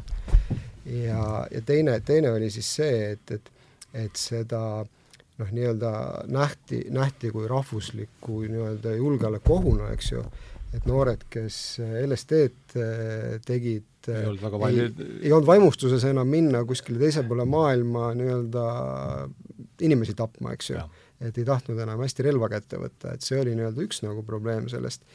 ja siis hästi huvitav ka, mis äh, tuli välja selle, selle äh, Krohvi nii-öelda Tšehhi äh, siis nende uuringutega oli siis see, et, et et äh, kuna Tšehhis nii-öelda suhteliselt mastaapselt neid LSD uuringuid hakati läbi viima, siis äh, Tšehhi tollane äh, sotsialistlik äh, ravimitööstus Spovta hakkas siis nii-öelda tööstuslikus nii-öelda mahus siis seda LSD-d tootma.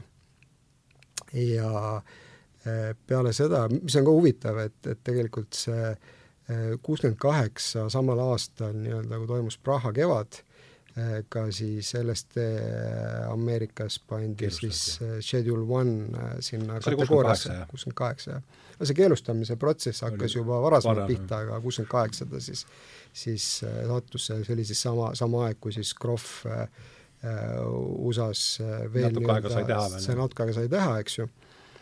aga siis see äh, Spofa nii-öelda äh, tootsid... see oli nüüd see sotsialistlik ravimifirma, jah? nemad tootsid seda LSD-d edasi. jah, sa, sa saatsid mulle seda artikli, saatsid, saatsid üle maailma ja nii-öelda müüsid seda nii legaalselt kui ka tegelikult illegaalselt, et see oli nii-öelda selle režiimi väike, väike business seal.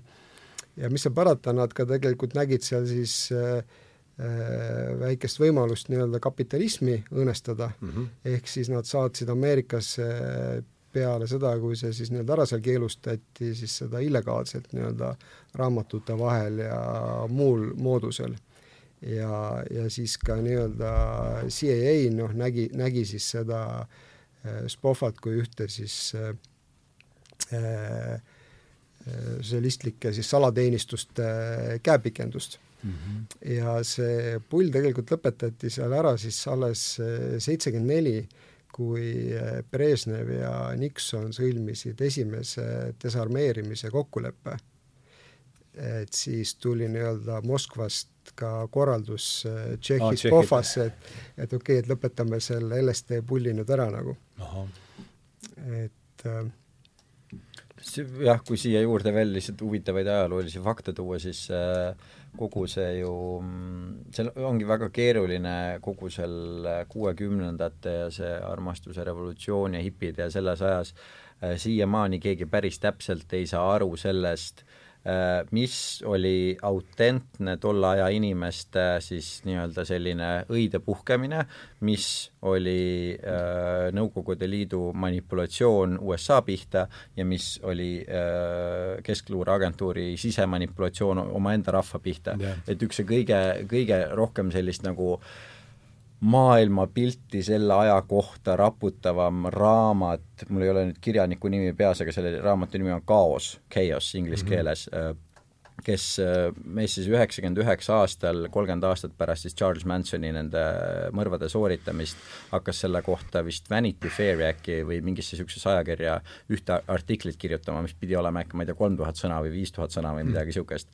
ja siis ta hakkas seda uurima ja siis ta seda artiklit ei kirjutanud, vaid uuris seda asja üle kahekümne aasta. ja, ja siis tal tuli kaks tuhat kakskümmend üks äkki või kakskümmend kaks tuli, tuli see raamat, raamat jaa, ja seal tema väga autorit ei mäleta? Äh, ei mäleta mäleta, aga see on nii selle viimase nime, paar aastat järgi... kui sa otsid lihtsalt nagu Chaos ja uh, Charles Manson, CIA, siis, siis selle leiab üles. aga no ühesõnaga, tema üsna tugev ja väga, väga, väga, väga, väga põhjalikult uuritud väide on see, et äh, Charles Manson oli üks nendest inimestest, kes Äh, CIA sellesse MK Ultra programmi äh, kuulus ja kes oli põhimõtteliselt nende nii-öelda nagu siselüli selleks, et äh, sellesse hipi, hipimaailma sisse infi-, infiltreeruda ja läbi tema siis ja läbi nende mõrvade ja kogu selle kuritegevuse siis õõnestada seda hipi, hipikultuuri ja panna rahvast nii-öelda uskuma sellesse, et aa, te arvate, et hipid on kõik, ainult räägivad armastusest ja, ja laulavad ilusaid laule, vaadake, tegelikult nad on hoopis,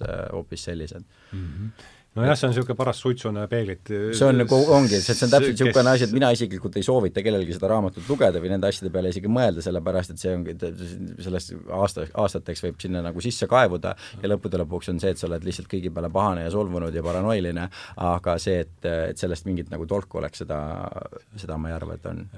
noh, ja mis ka Ameerikas ta nagu üleüldist meelsust noh, seal ka tekitas, oli see, et ma ei mäleta enam, mis aastal see heroiin nii-öelda sünteesiti, et äh, ja mis, äh, mis ajal seda nii-öelda massiliselt siis hakkas, hakkas no see oli Vietnami sõja suur, tõusis suureks probleemiks. suureks probleemiks, aga noh, ta algas varem ja seal ja, oli ka see, et, et noh, kommunistlik Hiina Mao eestvedamisel ka siis nii-öelda eksportis seda USA-sse. nagu Lääs omakorda omal ajal pani oopiumi teisesse suunas. täpselt, eks ju et see on täpselt see, mis teed endale, teed teisele. et jah, et, et kui, kui hakata nagu ütleme või te, neid, te, neid, neid juuri ajama, siis tegelikult eh, need lähevad sinna juba sadade aastate taha koloniaalajastusse no, oopiumisõda on ikka Hiina ajaloos ja, ju ja, fundamentaalse et aga veel, veel huvitav, mis, mis ütleme, selle tuli, tuli meelde selle MDMA teemaga, et kuidas siin eh, asjad, asjad ma otsisin ka ühte artiklit, aga räägi, räägi. asja, asjad on seotud ja palju sünkroonsusi, et et eh, Stanislav Grofil on vend Paul, Paul Grof ehk Pavel. Krohv ja kes on ka siis äh, tuntud äh, psühhiaater ja teadusmees ja ütleme, omas vallas üldse mitte äh, vähem tegija kui Stanislav. ja Paul Krohv siis äh, oli VH, WHO äh, siis äh, ekspertide komitee juht, kes tegelikult siis nii-öelda ülemaailmselt MDMA ära keelustas tõesti aga, oh, see on vahva tõesti, jah. aga siis äh, Rick Doblin, kes on siis Mapsi nii-öelda eestvedaja ja kes siis nii-öelda äh, võitleb selle legaliseerimise eest, et tema siis äh, Stanislavi vahendusel suhtles äh, Pauliga äh,. kus sa lugesid seda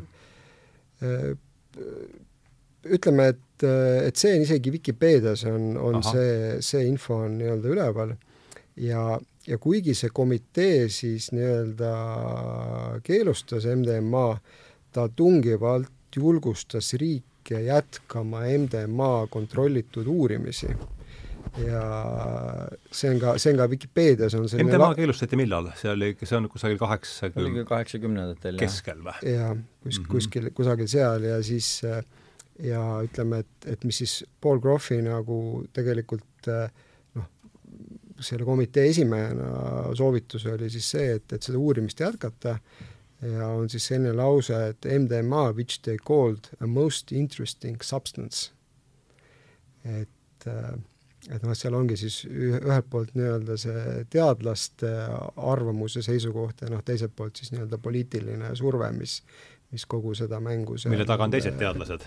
teised teadlased, jah. jah, täpselt, ega see on noh, aga ma just leidsin, otsisin seda siin, et äh, no kes seda, ütleme, kes meid siin kuuleb ja tund aega oleme siin peaaegu eetris olnud ja kellel, kellel nende asjade vastu on suurem huvi, et siis kindlasti soovitaks sellist äh, veebilehte või organisatsiooni nagu MAPS, on siis Multidisciplinary Association for Psychedelic Studies äh,, ja siin ma just, äh, mul on üks PDF, äh, ju ma sealt nende, nende koduleheküljelt olengi selle maha laadinud, History and Future of the Multidisciplinary Association for Psychedelic Studies.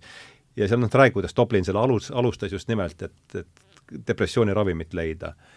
Ja kui kaua, mis ta, kaheksakümmend neli oli, MAPS tuli või, ma ei mäletagi siin nüüd. jah, kaheksakümmend neli. hakkas, hakkas igatahes, äh, siis ei olnud vist veel MAPS aga kaheksakümmend neli hakkas Dublin seda asja tegema, nii et ta on nüüd kaks, nelikümmend aastat. ja ta kirjeldab siin, kui suurt kui suurt rõhku pani Ravimiamet meie turvalisusele, tehke seda, tehke seda, no nelikümmend aastat on seda ja siin nüüd tuleb teine ravim, kaua sellega aega läks? ma, ma mõtlen selle ravim, mille nime me ei taha nimetada yeah., et see läks ju noh, oli nelja kuuga kohustuslik. et noh, kas see, kuidas, kuidas see klapib no selles mõttes, et ma arvan, et me ei pea sellest rääkima, sest me ilmselgelt teame, et see ei klapi no,. see on selge selles mõttes, et siin ei ole mõtet jah yeah.. aga noh, see, kui ma seda lugesin, et tõesti nelikümmend aastat äh, äh, ja noh, ja tulemused on ju noh, sest ma, ma ka selle nagu, see, et ma üldse mainisin seda Charles Mansoni ja MK Ultra ja seda asja, et, et selle kohta on, ma arvan ka, sest sellel sinu saatel ka kindlasti on selliseid kuulajaid, et kui keegi juba korraks on elus äh, nii-öelda mingisugusest illusioonist vabanenud äh,, siis äh, võib väga kergesti tekkida, eks ole, pettumus ja pahameel ja, ja siis paljud inimesed langevad selle küüsi, et hakata muudkui otsima seda, neid illusioone ja pettusi igalt poolt äh,, igalt poolt maailmast, ajaloost, praegusest hetkest. Äh, ja sellest ei ole väga palju tolku, sest sellel hetkel, kui sa saad aru, et äh, noh, et inimestel alati on olnud äh, muid kavatsusi, kui nad väljendavad ja see on, see on nii-öelda igihaljas probleem, millega me kogu aeg peame tegelema, siis ei ole liiga palju mõtet süveneda igasse spetsiifikasse, kus see probleem esile kerkib, vaid no rohkem mõelda seda, et kas sa tahad lihtsalt teada võimalikult palju asju, mis sul tuju halvaks teevad, või sa tahad sellest äh, vaba olla või, või edasi liikuda. nõus, jah aga noh, lihtsalt see oli see esimene küsimus, ma mõtlesin, et nojah, et ikka siin turvalisus, turvalisus, turvalisus, turvalisus, tur-, nojah, see teistpidi. No see ja selle kohta on ju kõige parem, ma jällegi usun, et ma olen võib-olla siin saates seda maininud, aga kes oli see Drag Saar äh, Suurbritannias, kes vallandati pärast seda, kui ta tegi kõige põhjalikuma uuringu kõikide narkootikumide Äh, ohtlikkuse kohta ja see statistika on hästi lihtsasti äh, internetist leitav ja need graafikud selle kohta, kus äh, oli siis see, et kõige ohtlikum narkootikum üle kõigi teiste, üle heroiini, üle amfetamiini, üle crystal methi oli alkohol no., nii oht iseendale kui ka oht teistele ja sealt ühesõnaga edasi tuli igasuguseid asju ja seal järjekorra kõige-kõige-kõige-kõige lõpus olid asjad nagu LSD, MDMA ja psühhotsübiin ja siis ta statistiliselt ütles, et MDMA ja see oli UK ametlik narkotsaar, ühesõnaga, kõikide pagunitega äh, bossmees ja tema ütles seda, et statistiliselt MDMA kasutamine on ohutum kui ratsutamine. Et äh, ja selle peale ta siis äh, eemaldati tema tööpostilt nojah, aga kusjuures, buum, vabandust, ma räägin ühe asja veel selle kohta, sest ma kuulsin selle kohta nii fantastilist informatsiooni just, et see lõi mu täiesti pahviks. ühesõnaga, MDMA kohta, siis kui esimesed uuringud selle kohta tehti, siis äh, mingisugused inimesed tootsid selle kohta mingit saaste, mis näitas, kuidas inimestel mingid ajuosad ära närbuvad. ja siis pikka aega inimesed kartsid seda ja, ja siis hakati uusi uuringuid tegema, siis tuli välja, et päriselt see ikkagi niimoodi ei ole ja, ja nüüd pikka aega taheti leida, et kas kuidagi on võimalik tõestada seda, et pikaajalisel MDMA kasutamisel äh, ei ole negatiivset mõju. ja see oli väga-väga-väga raske, sellepärast et tavaliselt inimesed, kes tarvitavad MDMA-d, tarvitavad ka igasuguseid teisi aineid aineid, nii alkoholi kui ka igasuguseid teisi mõnuaineid. Äh, ja siis mõeldi, et kas oleks kuidagimoodi võimalik leida ühte inimgruppi, kes tarvitaks ainult MDMA-d ja mitte ühtegi muud asja ja kujutage pilti ja see on täiesti šokeeriv, et see niimoodi on, aga selline inimgrupp leiti Nii. ja need inimgrupid on äh, USA-s mormoonid sellepärast et mormoonidele eh, on keelatud kõik teised narkootikumid, aga millegipärast mormoonide jaoks MDMA on täiesti legaalne ja mormoonid teatavasti ka ei joo alkoholi. ja siis leiti suur grupp eh, mormoone, keda siis, eh, keda siis uuriti ja kelle põhjal järeldati seda, et pikaajalisel MDMA tarvitamisel ei ole inimkehale, tervisele, füüsiliselt, vaimselt mitte mingisugust negatiivset mõju. kus sa sellest lugesid? kuul-, kuulasin, kuidas doktor Andrew Huberman, Stanfordi bio, biokeemik Andrew Huberman, tema rääkis sellest, see ei olnud tema enda tehtud uuring, aga kuna tema on ka nendest asjadest väga huvitatud, siis ta seda informatsiooni tihti annab annab edasi. Ja ühesõnaga, et kui kui Stanfordi doktor selle kohta valetas, et niisugust asja on tehtud, siis ka kõik, mis mina ütlesin, on täielik vale, aga ühesõnaga vähemasti viide on siin mm. -hmm Reimo, on mingit oma äh, kommentaare? et, et paneks siia disclaimer'i, eks ju, et, et see MDMA tarvitamisega kindlasti teatud ohud kaasnevad, nii psühholoogilised kui füsioloogilised, aga et siinjuures ikkagi rõhutaks seda teadlikku kasutamist. ja et, et ka ütleme, et see noh, krohvi, krohvi nagu lähenemine psühhedeelikumidel on ka ikkagi see, et, et, et noh, teeme seda nii-öelda nagu eh, teadlikult kontrollitud eh, keskkonnas, et, et see nii-öelda ei muutuks selliseks eksperimenteerimiseks või, või, või meelelahutuseks.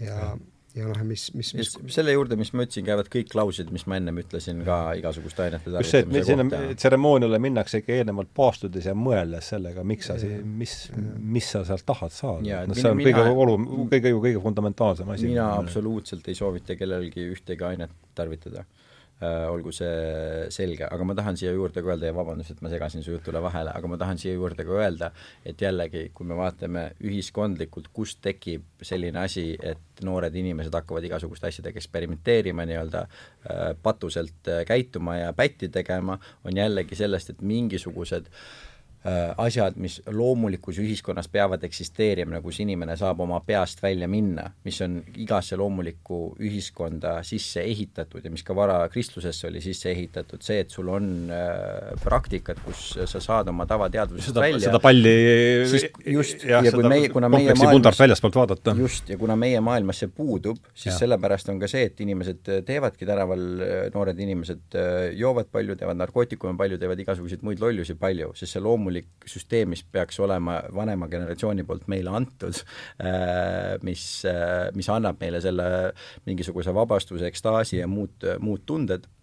Äh, seda meil lihtsalt, lihtsalt ei ole, et see on jällegi niisugune nagu süstemaatiline asi, mis peab, mis peab muutuma selle jaoks, et sest noh, seda võib elu lõpuni teha, nagu ma ise ka praegult just tegin, et ma ütlesin seda, et loomulikult ma ei soovita kellelgi midagi lihtsalt tarvitada, eriti ka siis, kui sa usud seda, et MDMA on mulle täiesti ohutu, aga kui sa seda tänavalt ostad, siis seal võib olla igasuguseid asju sees, USA-s selle fentanüüliga on juba väga-väga-väga-väga-väga suur probleem aga et, aga see on mõt-, täiesti mõttetu asi, mida öelda, sellepärast et näidake mulle ajaloos ükski kord, kus keegi ütleb noorele inimesele, et tead, et see ei ole sulle hea või tead, et see on sulle ohtlik ja siis ta lihtsalt sellepärast ei tee seda. et see, et see põhjus on nii palju sügavamal, et selle, see jutt on nagu selles Just. mõttes äh, noh, natukene, natukene mõttetu. et sellega nõustuvad lihtsalt kõik need, kes on oma keha peal juba need viitsasid, viitsasid tunda saanud.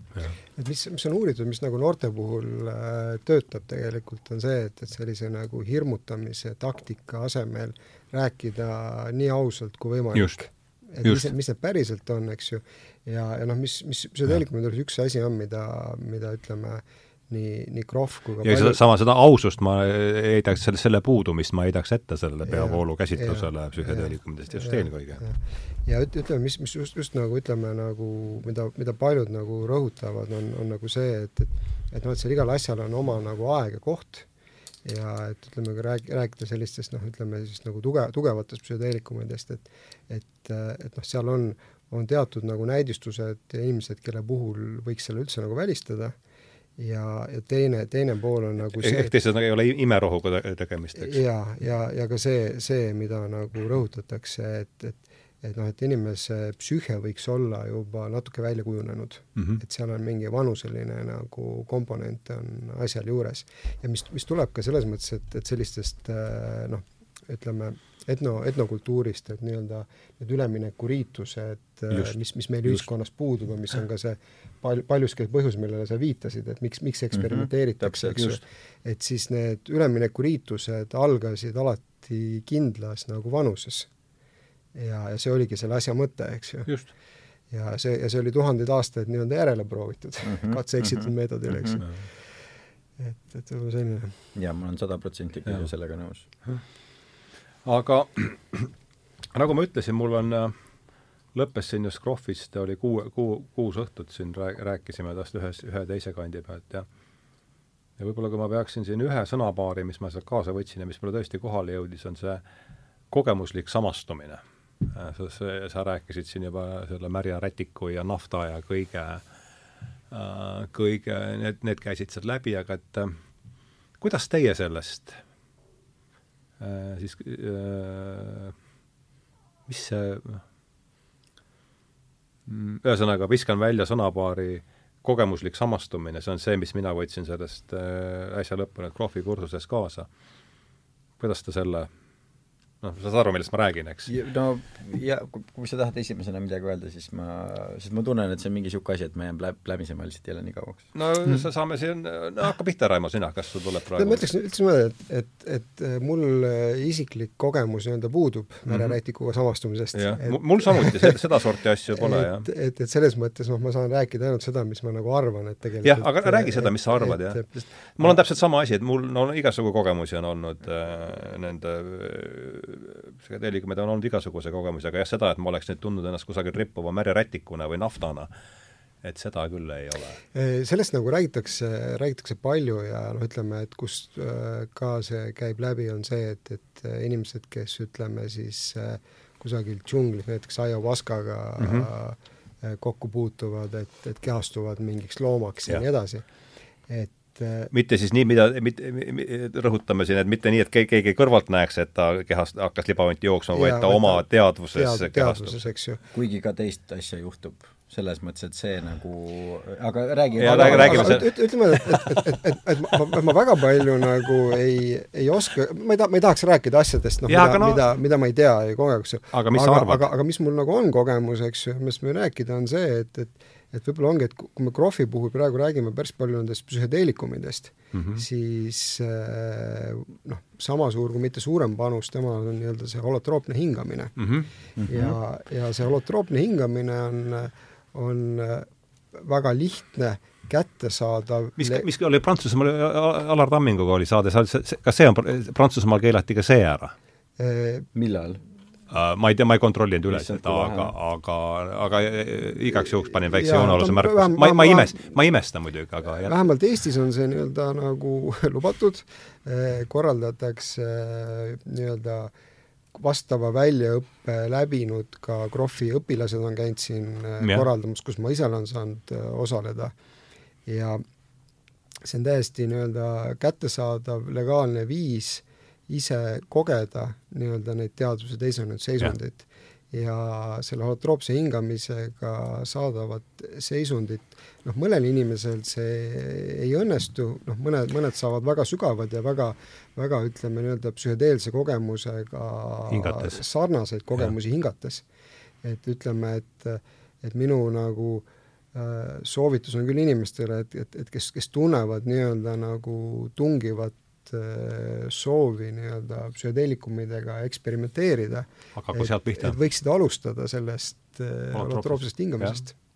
et noh, seal on ka, seal on ka väga palju teisi nimetusi sellele, et on ka superhingamine ja vabastav hingamine ja noh. ja noh, neid hingamispraktikaid on ju nii hinduismis kui ka teistes religioonides juba pikemat ja. aega, noh, tuhandeid aastaid on need, on need, on need vanad. et mina tahaksin ka öelda seda, et, et jällegi, et kuna äh, on ühiskondi ja kultuure, kus selliseid asju on pikaaegselt tehtud, äh, siis selle asemel, et tänavalt minna ja midagi endale osta ja sisse pista lihtsalt sellepärast, et mõtled, et lahe on, siis jällegi Hollandis igasugused psühhedeelsed teraapiad on legaalsed, äh, mine saa osa. Eestis ketamiiniteraapia äh, legaalne, kui sul tõesti on tarvidus, räägi arstidega, äh, on kättesaadav ja, ja nii edasi. et see äh, kindlasti ja pluss ongi täpselt seesama asi, et, et nii palju on selliseid asju, mida saab teha, ka paastumine, vipassana äh,, igasugused muud praktikad, kriia jooga, muud joogad, et mis äh,, mis viivad inimesi väga samalaadsetesse kohtadesse, tihtipeale uhte, uhkematesse kohtadesse ja jällegi see kõige suurem mõjutaja ei ole see, et mis on see aine, mis sinu kehas on, vaid on see, et mis on sinu eesmärk. subjektiivne kelle, kogemus, mis sa sealt saad. kellena ja kellena sa siia tuled, et miks sa siia tuled, mis on sinu taotlus siin, siin olemiseks ja noh, nagu Stanislav Grof siin raamatus ka kirjutab, siis ka tähtede seisud tuleb välja, mis on väga äh,, väga-väga huvitav. aga ma tahtsin, mis see kogemuslik samastumine oli see, mis sa, mis sa enne ütleme, see on jah see, mis mina, mis jõudis mulle kuidagi kohale selle, selle kursuse ma kaudu. ma ütlen asju, mis võib-olla alguses ei tundu sellega olevat seotud, aga aga, aga mis, mis, mis ühesõnaga kerkisid esile sellega. tal on siin raamatus koht, kus ta räägib aborigeenidest mm -hmm. ja sellest, et äh, nende aborigeenide jaoks ja nende inimeste jaoks, kes neid uurivad, on täiesti kuidagi selge see, et äh, aborigeenidel on võimeline, nad on võimelised omavahel suhtlema ilma ühtegi vahendit selleks kasutamata, nad suudavad lihtsalt sadade kilomeetrite kaugusele kellelegi saata, et ohohoo, saime selle looma kätte, nüüd võite siia liikuda ja siis nad lihtsalt kõik teavad, et nad täpselt samas kohas saavad täpselt samal ajal kokku. täpselt samasugust asja ma olen kuulnud ka Amazoni äh, šamaanidelt, kes äh, äh, kes kasutavad nii-öelda hispaania keeles siis ka sõna helistamine mis on see, et nad lihtsalt džunglis täpselt teavad, eks ole, nad ei ole võib-olla kolm aastat üksteist näinud ja siis ühel samal päeval nad jõuavad täpselt samasse kohta ja siis on see, et sa ju helistasid mulle, nüüd me oleme siin, nüüd räägime äh,, räägime omavahel juttu. mis meie kehtiva maailmavaate järgi on täielik sogas ja pole võimalik. just, nii, ja, ja siis üks asi, mis mulle sellega meelde tuli, on see, et kümme aastat tagasi äh, käis üks selline Amazonase mm, inimene ka Eestis äh,, kes, äh, kes siis elab, äh, elab ka seal ja kasvatab madusid. On selline suur madude selline meister või selline. ja siis ta tuli Eestisse ja, ja siis juhtus selline asi, et seal maakohas, kus ta, kus ta siis ööbis, siis äh, järsku lihtsalt äh, noh, istub seal elutoas ja teised inimesed on ka seal ja siis, või noh, tema võõrustaja on seal ja siis järsku kamina seest tuleb äh, madu välja mm. -hmm. ja siis äh, noh, võõrustaja selle peale, kes on eestlane, täiesti ehmatas selle peale, tema selle peale üldse ei imestanud ja siis ta hakkas seda madu välja viima ja siis, kui ta läks õue, siis ta nägi seda, et igast ilmakaarest lihtsalt maod roomasid lihtsalt sinna äh, maja suunas äh,. ja noh, tema jaoks oli see loomulikult väga, väga suur ime, aga selle Amazonas härra jaoks oli see, et no muidugi, et ma olen siin, miks nad ei pidanud siis, miks need maad ei pidanud siis tulema siia ähm, hm ja need on mõlemad lihtsalt sellised äh, noh, äh, natukene, eks ole, seotud sellega, et äh, kuskil kohas jällegi mingisuguses müstilises sfääris on asjad seotud läbi, läbi niidistike, mida meie oma tavalise silmaga ei näe ja mis meile siin maailmas tihtipeale imelikud tunduvad mm. -hmm.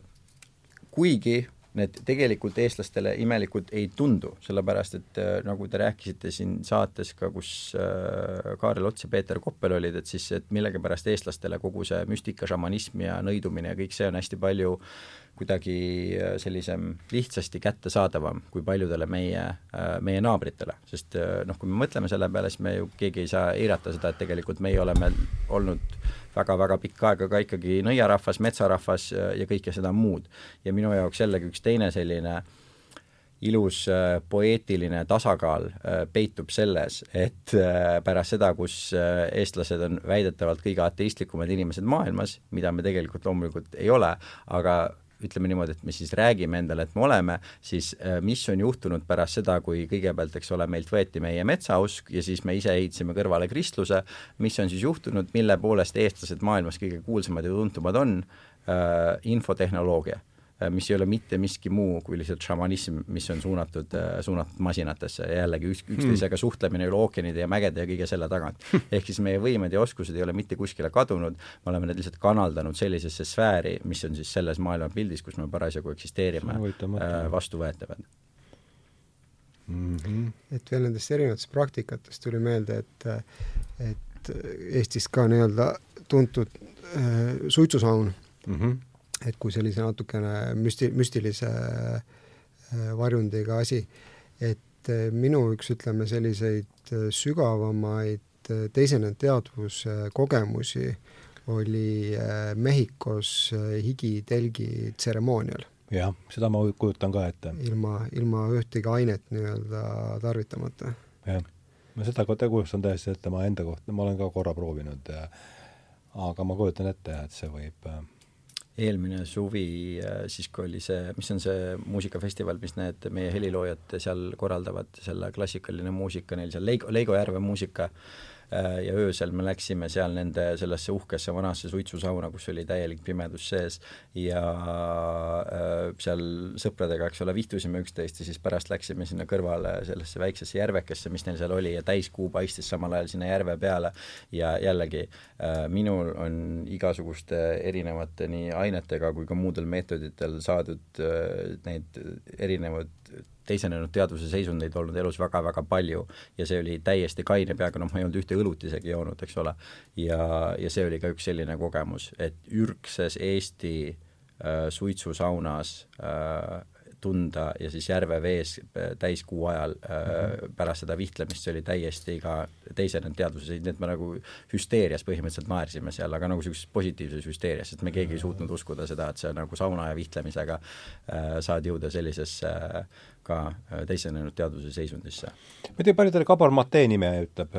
väga palju, Gabor Mate on fantastiline meesterahvas. ja, ja noh, ma tahaks, mina tahaks öelda seda, et iga inimene, kelle, kes on saanud äh, Jordan Petersonilt ajupesu selle kohta, mismoodi lapsi peab kasvatama äh,, siis palun kuulake Gabor Matet äh,, sest äh, see on üks noh, ühesõnaga seda on sinna balansiks, balansiks vaja jah, ta on selles mõttes, Petersonil on hea, hea vastukaal, vastukaal küll, aga mis ma temast üles noppisin ja mis mulle haakus praegu selle sinu sauna, sauna kogemusega, on see, et igasuguse tervenemise keskne mõiste on taasühendus mm, -hmm. reconnection mm. -hmm. Ja, ja noh, kas see tuleb läbi sauna, kõigepealt siis taasühendus iseendaga, taasühendus loodusega ja taasühendus siis noh, kui see, kui sa usud, et midagi jääb veel väljaspool loodust, et siis taasühendus sellega. Ja no kujutan ette, et seal äh, äh, täiskuu ajal äh, noh, see tekib, noh, see ongi see, et äh, kas ma võin lugeda selle ja. kohta lõigu äh,? Siin vahet pole, mis ta tarvitas, aga see oli nelisada mikrogrammi LSD-d äh,, aga siis Krohv kirjutab kas sa räägid nüüd sellest kogemuslikust samastumisest äh,? Jaa mm, -hmm. ja selle, läheb kokku sellega ka, mis sa, mis sa ütlesid, aga kuidas ta kirjeldab lihtsalt oma seda äh, tripi lõppu äh,, jällegi kaks lauset ainult, see oli häirimatu rahu õnnistuse ning naiivse lihtsuse tunne, segatuna aukartusega eksistentsi müsteeriumi ees tajusin, et kogesin midagi sellist, mis peab olema sarnane sellega, mida tundsid varakristlased okay.. ja jällegi, ükskõik mis viisil me midagi sellist saame oma elus öö, kogeda ja tunda, on äärmiselt, äärmiselt vajalik selleks, et meil säiliks perspektiiv selleks, mis on oluline ja mis ei ole oluline, sest öö, mina isiklikult siiralt usun, olles ka midagi täpselt samasugust kogenud, et inimene ei saa puhata mitte kuskil kui äh, kuskil ajatus kohas ja, ja kõik, mis me igapäevaselt teeme, eks ole, see vähi-, väsitab meie keha, väsitab meie emotsioone, väsitab meie, meie vaimu, kõike kogu aeg väsitab. ja me saame kõik neid kogemusi spontaanselt sellel hetkel, kus me kogeme midagi väga võimast, väga ilusat, näeme esimest korda elus mingit, ma ei tea, suurt koske või kui keegi, ma ei tea, sportlane teeb midagi imelist või ongi lihtsalt pärast pikka rasket, ma ei tea, matkamist, eks ole, lebad päikese kätte, meil kõigil on need, need hetked ja asjad äh, olemas ja aga alati see hetk, kus me nii-öelda selle sama taas, taas äh, ühendumise äh, kokku, kokku äh, nii-öelda sobitumise hetke saame, on see, mis annab meile selle tõelise puhkuse ja mis ja, annab meile ja ka hakkab tervendama. hakkab tervendama ja annab meile ka selle perspektiivi, millega me saame neid igapäeva asju teha ilma selleta, et me oleks nendest sõltuvuses ja et me oleks nendest nii tugevalt mõjutatud, et nii-öelda iseenda selles, selles rattas ja peaksime, peaksime seda igapäeva äh, materiaalsete asjade ühest kohast teise liigutamist nii metsikult tähtsaks mm. -hmm noh, jällegi oma kogemuse põhjal võiks öelda, et ikkagi mis lõpuks rabib, on perspektiivi muutus. ja noh, psühhedeelikumid on need, mis no siin on väga oluline see, et mitte lihtsalt perspektiivi muutus, sest perspektiivi muutus võib ka väga nagu võssa äh, nojah, siis üles, et, et ta nii, aga noh, et mina olen näinud ka kahjuks kõrvalt seda, kuidas kallis inimene, tal on perspektiiv nagu nii halb, kui üldse saab olla ja siis ta suudab selle perspektiivi veel rohkem viltu keerata. jah, seda et, ma, jah, no see... jah, ta peab pöörduma jah, sellises suunas, mis ikkagi aitab olla, mitte mis seda veel edasi, seda küll, jah.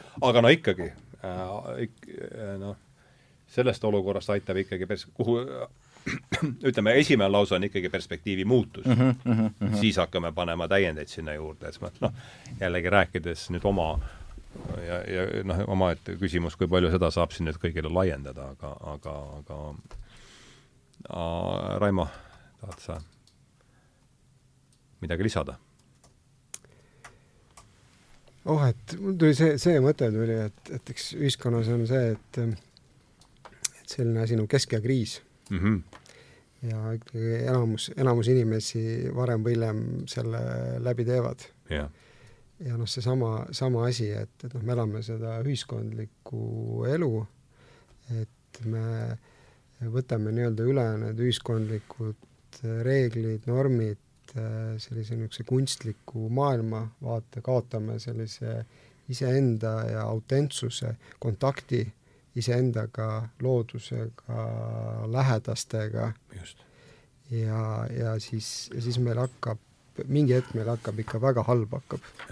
Ja, ja siis me otsime seda nii-öelda äh, self, kuidas see on siis, enese, eneseravi, eks ju, et just, kes alkohol on ka hea kohe võtta ilma, ilma selle retseptiravimita. jaa, eks ju, alkohol, meedia, eks ju, multimeedia, kõik, kõik see ja, ja siis noh, üks, üks võimalus nii-öelda siis äh, ongi selle ühenduse loomiseks on siis nii-öelda need erinevad äh, praktikad, mis äh, Äh, ütleme, üks, üks on see perspektiivi muutmine, teine ongi nagu see, et, et, et, et see teadvuse seisund, mis, mis, mis me oleme, et, et näidata nii-öelda äh, tihti me näidatakse selle, selle raames nii-öelda kõrvalt iseennast, kus me oleme, mis me teeme, ja näidatakse ka seda perspektiivi, et mis on nagu võimalik, võimalik. ja, ja seal äh, toimub siis nii-öelda see, see muutus. selle kohta jälle super lause Stanislav Krohvilt um, meie näljal asiste vallutuste järele ei ole lõppu, sest meil ei ole võimalik saada isu täis millestki, mida me tõeliselt ei taha ega vaja. ja selle kohta üks teine mees ütles nii ilusa lause, et äh, meil ei saa kunagi olla küllalt milleski, mis peaaegu töötab. Ja, ja see oli minu enda elus ka nüüd äh, kaheksa-üheksa aastat tagasi üks kõige võimsam kogemus, mis mul oli seoses enda eluga, sest mina olin ka väga selline mitte, et ma siiamaani ei oleks, mulle ikka meeldivad väga materiaalsed asjad, aga, aga see, kuidas ma nägin selgelt täpselt sedasama asja, et iga asi, mida sa saad mm,, kuidas ma ütlen, iga asi, koge-, kogemus, tunne elus, mida sa saad võimendada on miski, millest on võimatu küllust täis saada ehk siis mm -hmm. olgu selleks äh, raha, seks, narkootikumid, äh, kui sa tunned mingeid tundeid, mida sa saad kogu aeg suuremaks, suuremaks, kõvemaks, kõvemaks teha, siis sellel ei ole mitte mingit lõppu ja ainukene asi, mis sulle tõesti hingerahu saab pakkuda, ongi selline asi nagu rahu, sest kui sul on rahu, siis sul lihtsalt on rahu eks ole, sul ei ole oi, ma olen hästi-hästi-hästi-hästi-hästi palju rahu või mul on hästi natukene rahu, rahu lihtsalt on, on rahu. et, äh, et ei ole mõtet jah, otsida lahendusest ka jällegi, ma olen ka kahjuks kõrvalt näinud ka seda, kuidas inimesed tõesti mõtlevad, et need psühhedeelikumid on nii lahedad ja värvilised asjad, et äh, võikski jääda nagu nende sisse suplema ja nad on ka noh, oma elu tänaseks ära lõpetanud, sellepärast et äh, noh, nagu Campbell ütles, äh, hull upub nendes vetes, kus müstik supleb, et, et see kõik võib minna nii metsikult kirjuks, et, et enam inimene ei näe sealt kuidagimoodi välja selle metsa seest. no ja, ja eri, noh veel kord, kui on ainult, mis, mis aitab, on ikkagi see raam seal ümber, eks mm, -hmm. see kas siis terapeut või, või noh, no ikkagi, ikkagi lõpuks on see, see asi peab olema mingis raamis ja ja kõige hullem või noh, kõige ikkagi kõige hullem on see, et meil see igasugune raam puudub, sest see, see raam, mida tervenemiseks vaja on, ei mahu sellesse raami, kus me elame ja mida meile siin iga päev, eks äh, noh äh,, sa hakkad, sa küsisid alguses, et kes on hull.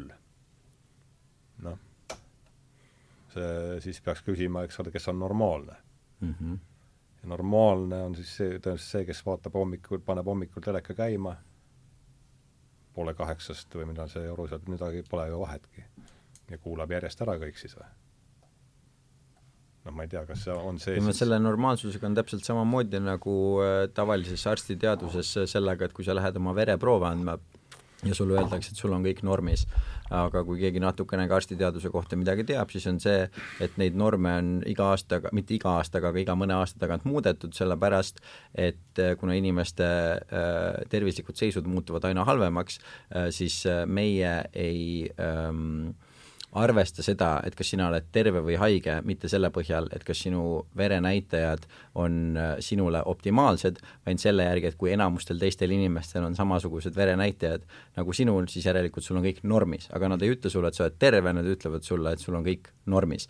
Äh, ja noh, samal põhjusel üks asi, millest ma olen oma fotograafis ka asjades hästi palju jahunud, on see, et üks kõige masendavam statistika äh, tänase päeva kohta on see, et äh, kui sa tänasel päeval meesterahvana lähed äh, viljastuskliinikusse või seemnekliinikusse, et neilt küsida, et kas sinu vana hea seeme kõlbab selle jaoks, et sellega järglasi sigitada või seda spermadoonoriks hakata ja nad ütlevad sulle, et see, mis sul pakkuda on, on suurepärane, see on fantastiline, me pumpame su tühjaks, maksame sulle raha ja lihtsalt tule tagasi ja tagasi ja tagasi. ja nüüd, kui sa võtaksid sellesama kvaliteediga sperma ja läheksid sellega spermapanka aastal tuhat üheksasada üheksakümmend kaks, siis sul oleks öeldud, et sa oled põhimõtteliselt nagu viljatud, me ei saa niisugust asja kellelegi maha müüa. ja kui sa oleks tolle aja hea spermaga läinud öö, samasse kliinikusse aastal tuhat üheksasada seitsekümmend, siis sul oleks sama öeldud. aga kuna meie üldine füüsiline tervis populatsiooniliselt nii tugevasti kogu aeg langeb, siis mitte ei juhtu seda, et me prooviks ennast kuidagi tervena hoida, vaid me lihtsalt muudame standardeid selle jaoks, et jätta iseendale niisugust muljet, et kõik on normis. teha nägu, et kõik on normis, no yeah. see ju aastakümnete vana lugu, aastate vanune, aastakümnete vanune lugu, kuidas käis Nõukogude ajal Baikali järve puhastamine, tõsteti lihtsalt saastenorme ja vesi läks järjest mm, -hmm. et ega siin aga kas ma võin äh, kor-, korraks äh, tuua siit raamatust ühe sellise asja, mis nagu, sest enamused nendest asjadest minu jaoks väga ilus, huvitav lugeda, väga, väga soovitan, aga need on selles mõttes vastuvõetavad mulle, et ma olen ise sarnaseid asju kogenud ja, ja pealt näinud, aga siis on üks osa sellest raamatust, mis on minu jaoks kõige keerulisemalt vastuvõetav, mitte Nii. et ma ei usuks, aga lihtsalt see on kuna, kummalisest kummalisem. aga see on see, kus ta räägib äh, siis mingisugusest sellest India gurust jällegi, kes äh, oli siis võimeline materialiseerima asju äh, lihtsalt tühjusest välja, olgu selleks siis kuld ja hõbesõrmused ja siis nende veel vahetama seda, mis metallist nad tehtud on või igasugused muud asjad. ja see tuletas mulle meelde, selline tore raamat on nagu Joogi autobiograafia. fantastiline, uskumatu kes raamat. kes, kes selle on selle Nende kas on eesti keeles ka olemas? jaa, on, on, on, on olemas, kindlasti on olemas. ma ise just kinkisin ühele sõbrannale selle eesti keeles Äh, see, see mingi prana, pranana, pranananda pamba pamba, vaata mina ei oska ja. neid hindu nimesid äh, kuidagi see on eesti keeles olemas mina hakkas kindlasti olemas, aga ühesõnaga mina ka aastaid, aastaid, aastaid tagasi äh, lugesin seda.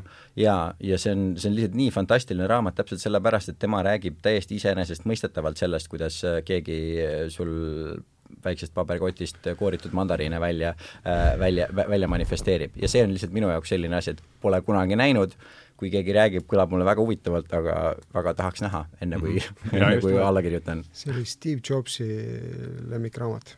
joogi autobiograafia, jah? sa oled lugenud või? ei ole. jah, mina et see India asi on hakanud mind järjest rohkem Äh, huvitavam. ja siin ka tema vaata ju räägib ka üks see, äh, see guru, kes tal oli, et kuidas see guru läbi selle, et umbes äh, lööb talle jalgadega vastu neid põlvesid ja paneb talle kommi suhu, annab laksu seda, ja vajutab sõrmedega silmade peale. ja see oli niisugune sõit, et vähe ei olnud. sai just täpselt samasuguse kogemuse nagu mingitest psühhedeelikumidest. et jällegi, et, et see, mismoodi inimesed nende asjadeni jõuavad, et, et ja see jällegi nii-nii oluline asi, mida aru saada ja paljud inimesed, kes tarvitavad igasuguseid aineid, on ka selle eksiarvamuse küüsis et see aine sinu kehas midagi tekitab. aga sinu aine saab su kehas ainult mingisuguse ukse lahti teha, kui sina midagi koged, siis see on sellepärast, et sul on võime midagi jah, et sul on teadvus üldse, just, et sul on teadvus, mis, mis saab seda kogeda, aga see aine ei ole see kogemus. et kui sa selle aine nagu vaatad selle aine sisse mikroskoobiga ükskõik kui sügavale, sa ei leia seda kogemust sealt mitte kuskilt. see aine, see kogemus toimub, toimub meie, meie sees, ehk siis äh, sul lõppude lõpuks ei ole vaja ühtegi välist asja selle jaoks, et seespool midagi tunda Mhm. no ja kuivõrd valitseva paradigma ju keskne plank on see, eks, et et teadvus on ainult, kui ta üldse on, siis on ta siin, siis on ta siin meie pea kolbas, eks, ja, ja noh, seetõttu No, selles... see peab olema siis aine, mis seda teeb, eks. ja see on ka nii, see noh, see on ka nii ammu juba teatud, et see tegelikult nii ei ole, et kõik on, seda on kogetud nii palju, seda on dokumenteeritud nii palju, et see on ka selline asi, et mis siiamaani veel mõned inimesed viitsivad seda rääkida, aga ma, ma usun, et me oleme väga-väga lähedal sellele, kus me selle mõtte lõplikult äh, maha matame.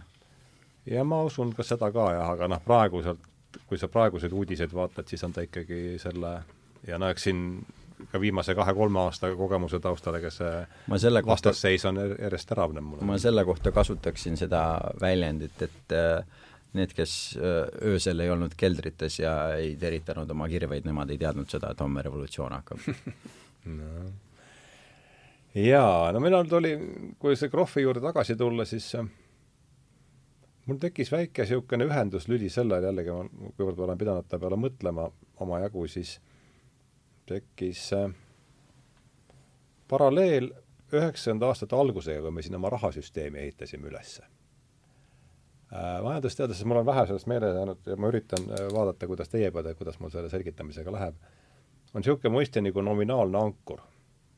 ehk et teiste sõnadega, kui me hakkame siin raha, laseme raha käibele, et siis kus noh, kus me siis teame, et siin tead äh, äh, viie või tähendab, vot mõtleme ennast tagasi üheksakümne teise aasta maisse näiteks, enne seda mina olen rahulikult ema üsas, nii et no, mõtleme aga edasi. sina pead meiega siis elama kaasa niimoodi. millal sa sündisid? üheksakümmend kolm. üheksakümmend kolm, no nii. paneme nüüd ennast tagasi üheksakümmend kaks, käib rahasüsteemi väljatöötamine ja noh, suur hirm on ju see, eks ole, et üheksakümmend neli, üheksakümne neljandaks aastaks on meil, maksab leivapäts näiteks neli miljardit äh, krooni kuidas Noor... seda, see ei olnud üldse, tol hetkel ei olnud see üldse hüperinflatsioonist me tulime, eks ole, rublaamast, et kuidas seda teha, et seda ei juhtuks.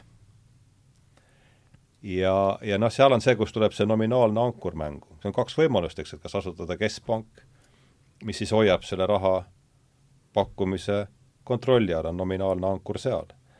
aga noh, võta ette, kui nüüd oleks sattunud sinna keskpanga otsa, kes meil seal olid äh,, Janno Reiljanid ja, ja, ja, ja kes veel, pole vaja siin nime noh, miks sat-, miks sat-, miks sattus Vene hüpe, Vene riik hüperinflatsiooni, oli see, et noh, keskpank, keskpanga otsas oli eesotsas ja ja kogu see olukord oli selline, nagu ta oli ja, ja ja teine, teine võimalus oli siis siduda kroon, eks ole, Saksa margaga, nominaalne ankur panna sinna, et, et noh, põhimõtteliselt oli vahe selles, et või et et kus sa siis, et kumb on nüüd suurem, kumb on suurem oht, kas on kodumaised poliitikud või välismaised poliitikud põhimõtteliselt ja noh, me valisime selle, eks, et nominaalseks ankruks sai Saksa marga kurss ja see noh, sisuliselt ikkagi hoidis selle ära, et meil hüperinflatsiooni ei olnud, eks. ja nüüd, kui ma vaatan nüüd laiemalt, nüüd kas see nominaalse ankru mõiste tuli mm, -hmm, tuli mm, -hmm. tuli läbi, eks. ja nüüd ma mõtlen, eriti pärast seda Krohvi kursust ma mõtlen seda, et meie maailmavaate nominaalne ankur ongi tegelikult siis psühhiaatria. mis sellega siis, et selle, sellega, et teatud kogemused patologiseeritakse ja heidetakse kõrvale, tänu sellega antakse, noh, luuakse, pannakse vai kogu sellele, mm, kogu sellele tööstuslikule tsivilisatsioonile, mille keskel me elame, ma ei tea, kas see mõte jõudis teile? Uh.... jälle loodan, et sa ütled midagi enne, sest ma jään liiga pikaks rääkima. et, et veel kord, see nominaalne ankur on meil see, et lubatud legitiimsed on ainult teatud kogemused. ehk et siis, mis sa siin ette lugesid, noh, see noh, kui ütleme ebatavalistest teadvusseisunditest rääkida, siis on sisuliselt ainult uni, et ma ei tea, kas see viskan sellise palli lihtsalt õhku siin, et kas äh, on teil tahtmist sellega haakuda? Äh, ma olen sellega nagu äh, täiesti nõus, aga ma nagu ei samastaks seda psühhiaatriaga. et me mhm. võib-olla teeme nagu natuke ülekohtuselt liiga neile, sest et ütleme niimoodi, et ega noh, suures pildis psühhiaatria panus nii-öelda ikkagi on nagu väga, väga suur ja väga oluline, eks ju, ja me täna ikkagi oskame tulla toime äh, ütleme, psüühika- ja meeleoluhäiretega, millega noh, mille käes vanasti inimesed, eks ju, kannatasid, eks ju. et, et võib-olla lihtsalt, lihtsalt on nagu see, et, et, et sellel äh, peavoolu nii-öelda psühhiaatrial, mis, mis on riiklikult rahastatud ja ülikoolis Viljandi, et, et noh, et neil, neil äh, võttis aega nii Eestis kui ka nagu mujal maailmas, ütleme, et selle transpersonaalse psühholoogia nii-öelda harjuda ja, ja, ja, ja sinna, sinna valdkonda ka minna. ja, ja mis, mis ütleme, Eestis, Eestis nagu tunnustuseks tuleb öelda, et ma olen ka äh, ütleme, Tartu ja Tallinna avatud ülikoolis eh, õppinud küll psühholoogiat, aga et nii-öelda, et seda transpersonaalset eh, psühholoogiat eh, seal järjest, järjest üha rohkem tuleb sisse. Ja ei noh, teise sõnaga see nominaalne ankur libiseb nüüd jaa, see ankur, ankur libiseb. ankur libiseb, jah, just, just. et see ja. kunagi, kunagi nagu pandi, pandi, pandi sisse ja ma tahtsin lihtsalt öelda seda, et psühhiaatrias käib see sisuliselt nende kogemuste lahterdamine, see on lubatud kogemus, see ei ole lubatud, ma mõtlesin seda sellega, et ma kuidagi ei tahtnud siin öelda seda, et, et ja, jah, aga ma, arvan, see on väga, väga kiiresti nagu ja, ja nagu ei sellega, sellega ma olen nõus, jah. me vaatame ka, et mis aastal need äh, psühhiaatriaõpikud äh, kirjutati, eks ju, et et äh, aga äh, ma tahaks päris mitu asja selle kohta öelda mm. -hmm. Kui me vaatame traditsioonilistesse äh, kultuuridesse, ükskõik mm -hmm. missugusel kontinendil, siis minimaalselt on iga kogukonna jaoks, sul on vähemalt üks äh, šamaan, üks tervendaja saja inimese kohta. Tegelikult on rohkem, aga nagu noh, üsna minimaalne on see, et sul on üks yeah. šamaan, üks tervendaja, üks ravitseja, üks, vähemalt üks inimene iga saja inimese kohta, kes tegeleb sellega, et kõik, mis on arusaamatu, kõik, mis on segane, vahet pole, kas jällegi tegemist on millegi füüsilisega, millegi vaimsega, et äh, nii-öelda see tasakaal tagasi tuua mm, -hmm. eks ole, mis iganes meetodeid kasutades äh,. Eestis on äh, iga kahe tuhande inimese kohta üks perearst mm. -hmm. sealt hakkab see on meie süsteem, kuidas meie proovime oma maailma tervena hoida. ehk siis me näeme seda, et meil on juba noh, kümnekordne vähemalt kümnekordne, tegelikult mitmekümnekordne äh, puudus äh, siis äh, nii-öelda tavainimeste ja nende inimeste vahel, kes vahendavad mingisugust nii-öelda tervenemise ja sellesama tasakaalu uuesti loomise äh, protsesse. ja äh, mida rohkem maailm on sinna, eks ole, liikunud läbi äh, noh, võtame siis näiteks mis iganes tööstusrevolutsiooni, eks ole, aga tegelikult juba varem liikus sinna suunas mida rohkem ta on sinna suunda, suunda liikunud, siis enamused ju vaimsed haigused, millest me räägime, on ju tekkinud pärast kõike seda aega, kui meie hingetohtrid ja, ja kõik see, eks ole, kirikus ka enam keegi ei käi, keegi patust puhastust ei saa, me ei saa ei jumalaga üheks ega isegi ei räägi enam jumalast. ja see vajadus niisuguse ameti järgi nagu psühhiaater tekkis sellel hetkel, kus seesama kogemused, mida me ei suuda aktsepteerida, jõudsid sellise läveni, kus meil oli see, et okei okay,, peaks kuidagi kuskile saama need karpidesse ära panna, et need ei häiriks normaalselt normaalsete inimeste äh, tegevust. ja läbi selle, et meil puudub ühiskonnas piisav hulk inimesi, kes oleksid kvalifitseeritud selle jaoks, et selliste asjadega äh, tegeleda ja nagu kindlasti sa tead, Eestis on liiga vähe ju terapeute, liiga vähe psühhiaatreid, liiga vähe psühholooge, neid kõiki on liiga vähe, nende ootejärjekorrad on metsikult pikad no. inimestel, ühesõnaga depressiooni epideemia kogub ainult ju just, eks ole, et kui, et kui me mõtleme lihtsalt ühe niisuguse statistika peale, et olenevalt lääneriigist iga kolmas kuni igas viies äh, naissoost äh, eelteismeealine äh, tüdruk on mõelnud enesetapu peale äh,, siis see on kõige suurem psühholoogiline kriis, kus meie planeet on iialgi, iialgi mm, olnud. aga nüüd, kui me jõuame selle juurde, et neid inimesi, kes selliste asjadega saaks tegeleda ja seda balanssi kogu aeg nii-öelda tagasi tuua, on nii vähe, siis see on tekitanud sellise olukorra ja jällegi kogu see asi ka, miks ma nagu mõistan kogu sinu frustratsiooni, nagu mul endal on ka see nii-öelda nagu joonlaua äh, joonlauateadus ja kõik see äh,, see on tekitanud sellise olukorra, kus me elame sellise nagu spirituaalse kondoomiga, ütleme siis niimoodi, et me ei ole võimelised lihtsalt selle nagu müstikaga seda sidet hoidma, sellepärast et see on meie jaoks, on ülevoolav lihtsalt. see on nagu, mudelist väljas täiesti, kellavärk on see on liiga see... palju meie jaoks, see oli Carl Sagani jaoks liiga palju, see oli äh, äh, ma ei tea, äh, Bernard Russell, kes mulle muidu väga meeldib, eks, Bertrand Russell, kes mulle väga meeldib, see oli tema jaoks liiga palju, see oli väga paljude geniaalsete inimeste jaoks liiga, liiga palju, sellepärast et meil ei olnud neid, meil ei olnud neid vahelülisid ja, ja see on ka see põhjus, miks noh, mina äh, kasutan sellist äh, väljendit juba mõnda aega nagu spirituaalne kiirtoit.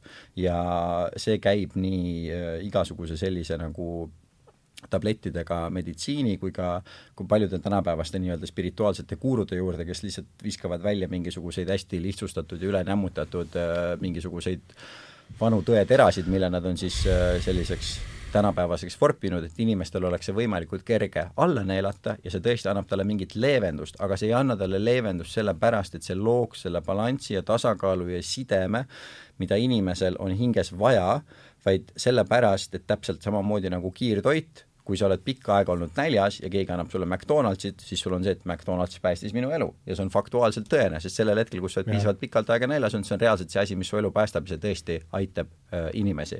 aga kui sa võrdled seda päris toiduga ja päris sidemega, päris sellega, mis äh, mitte ainult ei hoia sind elus, vaid see, mis laseb sul õitseda, siis me oleme sellest väga-väga-väga kaugel. jah ehk noh, teiste sõdaga, see, see veendumus minus äh,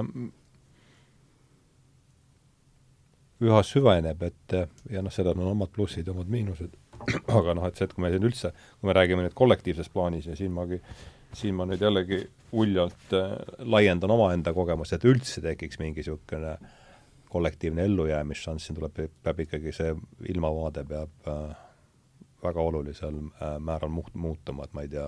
Ja ma ütleks ka seda, et seesama asi, mis ma ennem rääkisin nagu noorte inimeste narkootikumide tarvitamise kohta, mina isiklikult usun seda ja ma võin eksida, aga ma isiklikult vähemalt usun seda, et see ka noorte inimeste soov nende muutunud teadvuste seisundite järgi äh, on alateadlik nagu ka tulemus sellest, et lihtsalt see asi äh, ühiskonnas piisavalt puudub, inimestel tekib lihtsalt alateaduslik instinkt selle järgi, et ma soovin sinna liikuda. ja teine asi, mis ma äh,, mis ma tugevalt usun, on see, et äh, mida kaugemale siis inimesed liiguvad sellest müstilisest sfäärist, mida kaugemale ühiskond sellest liigub, siis see, et aina rohkem tekib jutumärkides vaimuhaigeid inimesi või -hmm. skisofreenikuid või psühhootikuid, on see, et äh, see müstilisus nii väga tahab lihtsalt nagu meie maailma sisse tulla ja me ei saa seda kogu aeg eemal hoida ja on mingid kohad, kus nii-öelda need klapid on natukene nõrgemad ja sealt lendab see ja. klapp pealt ära ja see müstilisus lendab talle sisse sellise hooga ja sellise kiirusega, et ta ei olegi ise võimeline sellega toime tulema ja kui tema ümber ei ole ka struktuuri, mis ja. aitaks tal seda mõistes, mõtestada ja sellest välja tulla, nagu Krohv sellest väga ilusasti räägib, spirituaalsetest hädaolukordadest, siis noh, siis ta ta ongi hull ja me panemegi ta purki ja nii ongi. Jah, see kõlab usutavalt, jah. tahad sa midagi juurde lisada siin?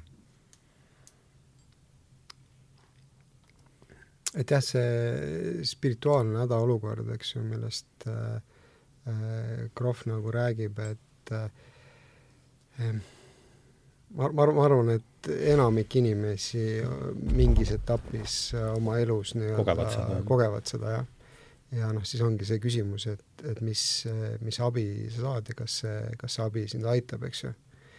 et äh,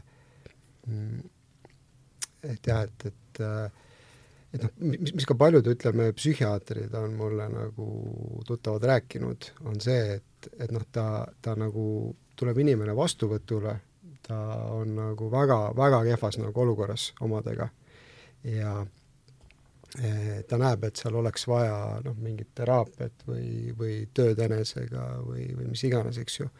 aga noh, kuna tal on see vastuvõtuks on ainult eh, viisteist minutit. üks, üks inimene kahe tuhande kohta võib ära kahe tuhande kohta, eks ju, ja, ja, ja see eh, haigekassa nii-öelda ei, ei kata neid võimalusi, ta saab ainult nii-öelda nagu soovitada sellele inimesele, aga noh, tal põhimõtteliselt ei jää muud üle, kui see tableti retsept Äh, välja kirjutada, sest sealt noh, saab leevendust. no see teeb tu-, tuimaks vähemasti. vähemaks jah, jah, ja noh, ja ütleme, et selles mõttes, et ka see äh, psühhofarmakoloogia on nagu äh, väga arenenud ja ja iseenesest ütleme, sellises noh, kriisiolukorras äh, see sageli on nii-öelda nagu häda, hädavajalik, aga sellele peaks järgnema mingi, mingi töö iseendaga ja vot, vot see on see, mis on nagu puudu sest noh, teist, teist tulevad, muidu tulevad veel kangemad tabletid eh, ju, ju peale, eks. ja, ja, ja aga see ongi nii oluline, et see on psühhedeelikumidega samamoodi, ajuvaškaga täpselt samamoodi, et, et ka, et kui sa seal istud ja su ees on tõeline šamaan, siis ta ütleb sulle ka, et et see, et sa tulid siia ajuvaškat jooma, see on lihtne isegi kui sul halb on olla samal ajal ja oksendad ja jube paha on ja jube hirmus on ja kardad, et sured ära ja mis iganes, sa lihtsalt pead kaks päeva vedelema siin, mitte midagi muud. Lihtsalt jood ja vedeled, see on väga lihtne, päris elus on raske. Ja, ja isegi kõikide nende psühhedeelsete teraapiatega see, et sa lihtsalt mingisuguse kogemuse saad, siis jällegi ka selliseid väga võimsaid müstilisi kogemusi on inimestel võimalik eitada ja nad eitavad neid kogu aeg, aga selle jaoks, et sinu elus reaalselt toimuks mingisugune muutus, siis sa pead igapäevaselt reaalselt oma käitumist muutuma, oma vaateid Just. muutma ja see lihtsalt nagu nii-öelda noh, nagu samamoodi nagu Antliga lihtsalt järjest neid nii-öelda äh, kordusi tegema ja tegema, tegema selle jaoks, et, et sellest reaalselt mingisugune kasu oleks. sest neid ka neid noh, spirituaalseid chunkisid, nagu öeldakse, on, on väga palju, et kes lihtsalt, kuna sa saad mingisuguse väga võimsa ja väga ilusa kogemuse, aga iseenda elu muutmine on raske, siis sa lihtsalt käid neid väga võimsaid ja väga ilusaid kogemusi saamas, aga sa oma elus mitte mingisuguseid muutusi täide ei vii, siis jäädki lihtsalt niimoodi selliseks nagu noh, eks neid on, neid on Indias ja selliseid inimesi on igal pool, eks ole, kes on, võivad mingeid igasuguseid püha, pühi sõnu rääkida, aga tegelikult nad lihtsalt tahavad kogu aeg pilves olla, sest see on ainuke hetk, kus nad tunnevad ennast hästi. jah, just. et see, see on jah, ütleme nende psühhedeelikumide puhul ikkagi äh, väga suur oht ja ka üsna tavapärane, et inimesed jäävad sinna nii-öelda kinni, et et nad käivad, teevad, saavad neid kogemusi, aga tegelikult mingit äh, muutust ei tule või siis vastupidi, et see maailmapilt nii-öelda veelgi äh, äh, muutub hägusamaks jah, ja, ja, ja segasemaks. et, et, et seda, seda nii-öelda on nagu ja, näha see on absoluutselt oht, jaa. et ega ta jah, ei ole kindlasti ei ole kindlasti imeravim, aga me ei räägi ka sellest, et see peaks nüüd äh, ayahuasca kõigi, kõigile kohustuslik olema. absoluutselt mitte ja vaata ka väga paljud ühiskonnad, kus ainukesed inimesed, kes psühhedeelikume tarvitavad, ongi ainult šamaanid mm. -hmm. sest kui te, tema saab selle informatsiooni kätte ja ta oskab seda kanda teistele inimestele edasi, siis ei ole vajalik kõikidele seda tarvitada, et see on ühiskonniti ka täiesti mm, -hmm. täiesti erinev. ja noh, samamoodi ju iga inimene ei pea olema kunstnik, iga inimene ei pea olema maailma, iga inimene ei pea olema Dostojevski, Dostojevski, keegi suudab, saab selle nii-öelda Äh, on see vahelüli, kes saab selle informatsiooni kätte, kui ta piisavalt hästi annab seda tagasi, siis see ju tervendab ja uuendab kogu, kogu ja. ühiskonda. just nimelt, jah, ja jah, aga see, kuidas need on, kuidas kogu see, kogu see aine on sattunud nii-öelda schedule, schedule ühe alla, see on minu arvates eel, eelkõige see probleem ja see ütleb meie ühiskonna kohta, no mida see ütleb meie ühiskonna kohta? ütlebki seda, et me kardame seda. jah jah, ja ütleme, et noh, ütleme see too režiim, kes selle sinna kunagi pani, eks ju, et, äh, et noh, ma ise arvan, et, et, et äh, ta võib-olla üldse noh, et et seal ikkagi mingisugune regulatsioon ja piirang on meil lähe-, lääne ühiskonnas vajalik, just sellepärast, et meil puudub see traditsioon. just nimelt, jah, kultuuriline ja, kontekst ja, ja sellega et, olen ka nõus. me, me ei oska tegelikult nendega nagu ringi käia, aga noh, et kas ta peaks olema schedule kaks või schedule kolm, et seal üks probleem on ka see, et, et seda ei äh, saanud uurida. jah, ma tahaks siia juurde, ei tegelikult lõpeta ära, ma segan nii palju vahele. ei, jätke, jätke. ei, ei, sul oli lõpp, sul oli jutt pooleli, ma, jaa.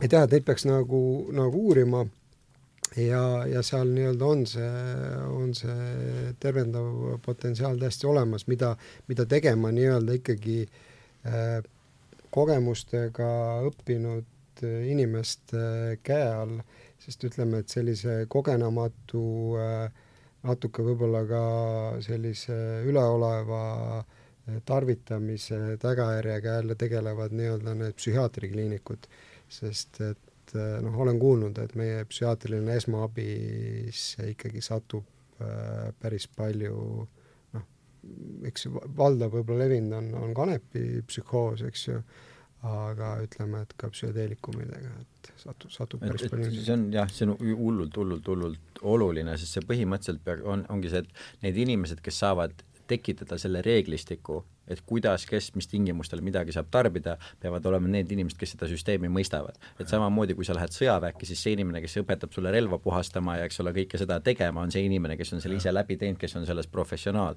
ja meie praegult elamegi veel selle nii-öelda piirimail, kus need inimesed, kes teevad asjade kohta reegleid, on need inimesed, kes ei ole ise midagi kunagi kogenud, midagi, midagi kunagi teinud ja. ja kes ka määravad sulle ravi, ei ole ise aga see hakkab kunagi... selle, aga see hakkab sellest pihta, mis ma rääkisin, seesama nominaalne ankur, need kogemused ei ole legitiimsed, need lähevad kohe teise kasti, muidu mm, -hmm. muidu puuduks ju igasugune alus sellele, sellisel selle, jaa, sest kui me vaatame mingisugust normaalset ühiskonda toimimas, siis äh, on igasugused pättused, mida mitte keegi ei tee, sest kõik teavad seda, et see ei ole mõttekas asi, mida teha, seal, aga põhjus on selles, et autoriteet, mis on sulle selle äh, reeglistiku andnud, on legitiimne autoriteet, et sa tead seda, et aa, ta ei öelnud mulle ilma naljata seda. noh, see näide, mis ma kogu aeg toon, on see, et kui sa oled ma ei tea, elad kuskil, kuskil Aafrikas, siis sa ei lähe jõe äärde mängima ema öeldu vastu, sellepärast et sul on küla täis inimesi, kellel kätt või jalga ei ole, sest krokodill hammustas need ära. et sa ei ole see, et aa, mõtleks, nii lahe on ema vastu mässata ja lähen, lähen krokodillide sinna nagu jõkke ujuma.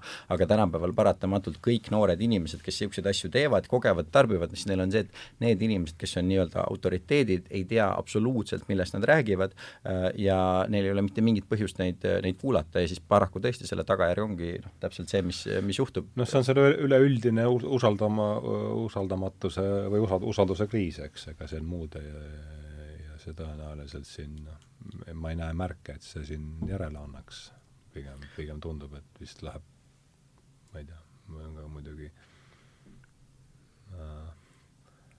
üks asi veel, mis ma panin, äh, kuna korraks oli vaikushetk ja ma ei suuda vait olla äh,, mis ma panin endale siia kirja, mis ma õppisin jälle Jonathan Bajolt, kellelt ma sinuga seoses olen juba lõpmatult palju rääkinud, aga tema äh, ütles midagi sellist ilusat, kui ta Dantet nii-öelda proovis tõlgendada kus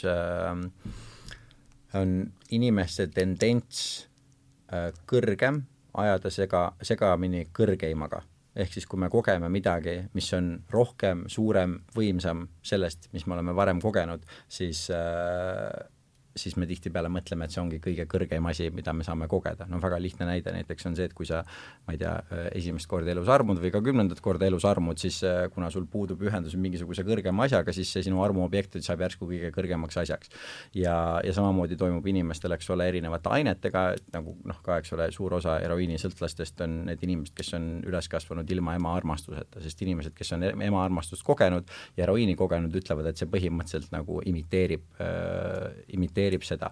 ja, ja nii palju ka selliseid äh, sõltuvusi ja igasugustest asjadest vaegustesse jäämist tuleb sellest, et me kogeme midagi, see on kõrgem kui see, mida me oleme seni kogenud ja siis me arvame, et see ongi nii-öelda see, äh, see püramiidi, püramiidi tipp mm. -hmm. ja mul tuleb siin seal, see, ma ei tea, kumb, teist seda ütles, aga aga just nendest reeglitest ja, ja kogu selles, kogu selle asja korraldamises, selles äh, meil oli kursusel küll aluseks oli see kosmi-, kosmiline mäng, kus, äh, kus ta räägib siis oma need selle viiekümne või tol hetkel oli tal seda kogemust nelikümmend aastat, nende kogemuste põhjal siis sellise kosmi-, kosmoloogilisi ja, ja filosoofilisi järeldusi ja, ja samanimelises loengus ütleb ta, et nad ta nimetab neid siis holotroopseteks kogemusteks, mis on, millest siis psühhedeelsed kogemused on, eks, äh, üks alamhulk, see, mis tuleb sealt holotroopsest hingamisest ja et et kui inimesel ei ole sellist kogemust, et ük-, olgu tal üks, olgu ta lugenud ükskõik mis raamatuid või ükskõik mis äh, või mis koolides käinud, mis kraadid tal on, et noh, see on, minna tema juurde rääkima, minna sellise inimese juurde rääkima oma koge-, oma säärasest kogemusest on sama hea, kui minna, et seitsmenda, seitsmenda klassi või seitsmeaastasele tüdrukule rääkima orgasmist.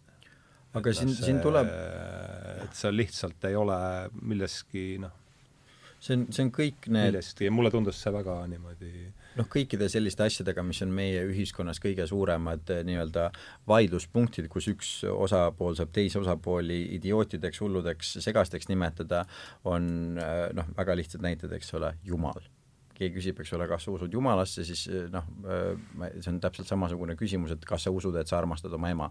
kui sa, eks ole, tead, et sa armastad oma ema, kui sa oled tundnud oma ema armastust, siis see ei ole mingi asi, millesse sa usud ja kui ja. sa oled keegi inimene, kes on tundnud ja teab Jumalat mm., siis sinu jaoks on absurdne küsimus, kas sa, kas sa äh, usud sellesse ja samamoodi äh, müstiline kogemus, kui sul on see ja. ja sa oled ise seda kogenud, ise seda tundnud, ema armastuse tunne, sa oled seda kogenud ja tundnud, see ei ole asi, millesse uskuda, see ei ole asi, millest sa teoritiseerid, vaid see on asi, mida sa tead, mis on alati sinuga kaasas.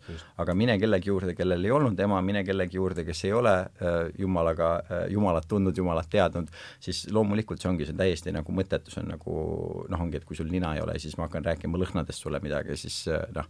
ja see on seesama, mis ütleb kohta Schilderiki teine lause, see, et te võite oma kogemusest või, või sa võid alati oma teooria päästmise nimel oma kogemusest lahti öelda, see on Schilderiki lause ja tal on teine veel parem minu meelest see, et Buda ei kirgastanud doktoriõpingute käigus, et noh, see on, see on see, millest me räägime, et et asi hakkab ikkagi, noh, see, millest Krohv räägib, on ikkagi vahetu isiklik kogemus ja see on lihtsalt milline ta siis ka parajasti on, ta on selline, millest ei ole noh, no millest ei ole võimalik, ma ei tea, mis, millised on parajasti teie kogemused, aga et noh, see on, see on nii vahetu ja nii, nii, nii otsene, et sellest ei ole võimalik lihtsalt. ja tihti tundub rohkem päris kui see reaalsus, mida Just. me seni oleme tundnud.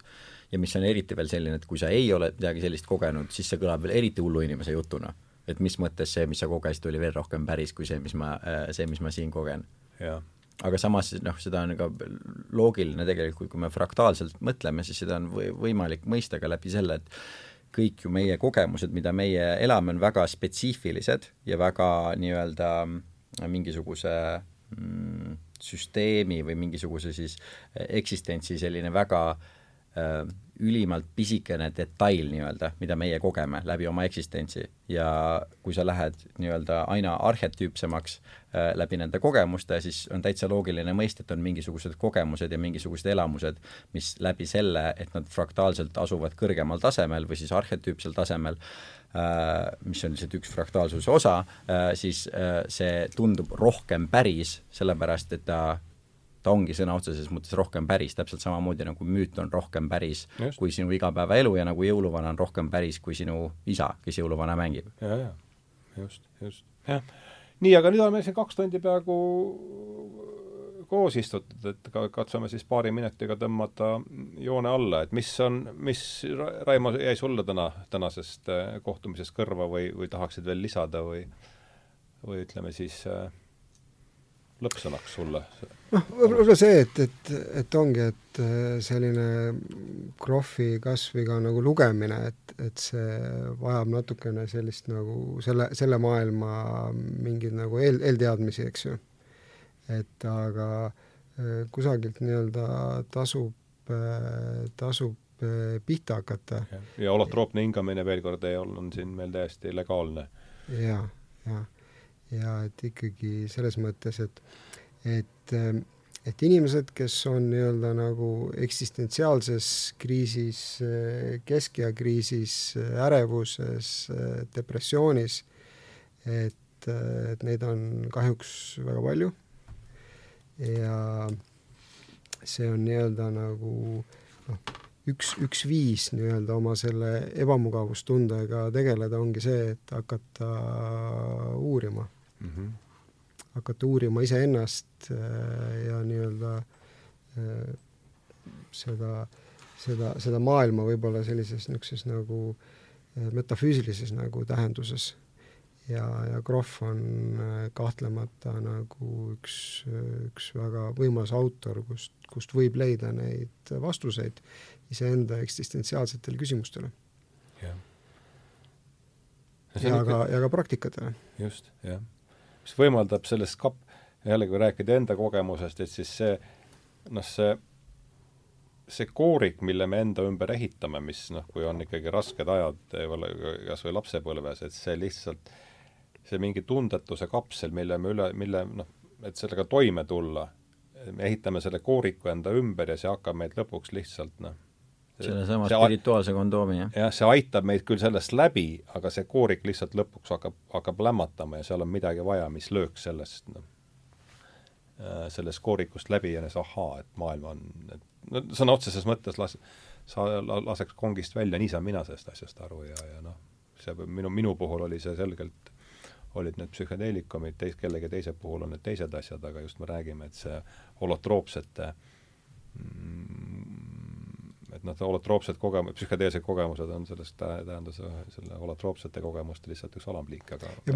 lõpetuseks, mis mulle Krohvi juures meeldib, et et Krohv erinevalt paljudest teistest, et ta ei ole tereet-, teoreetik, ta on praktik. just nimelt, absoluutselt, see on jah, ta ei ole seda kusagilt kokku lugenud, vaid noh, seesama ja ta on ka äärm-, äärmiselt pretensioonitu, selles mõttes, et ta, ta on nii kuidagi niisugune siiras ja armas lihtsalt selline, et temaga natukenegi ei teki sellist tunnet, et ta prooviks oma maailmapilti sulle peale suruda või et tal oleks mingisugune agenda seal taga, vaid lihtsalt see, et ta ausalt oma kogemusi edasi annab. ja tõesti soovitaks, see on hea, et sa sellele tähelepanu juhtisid, just kuulata tema loenguid YouTube'is, kus tal tõesti tuleb see isiksus sealt hästi see... muhe ja mõnus inimene. jah, just et äh, aga aga mul äh, kaks asja, mis, äh, mis mulle mitte meelde ei jäänud, aga mis ma mõtlesin võib-olla siit lõpetuseks öelda, et ähm, et et äh, tihtipeale või noh, mina ka kunagi mõtlesin selle peale, et mis ma, mis ma siin Eestis üldse olen, et vahet pole, mis ma ise ka maailmast arvan või teha tahan või et, et see nagu justkui ei loe ju mitte midagi, sest me oleme üks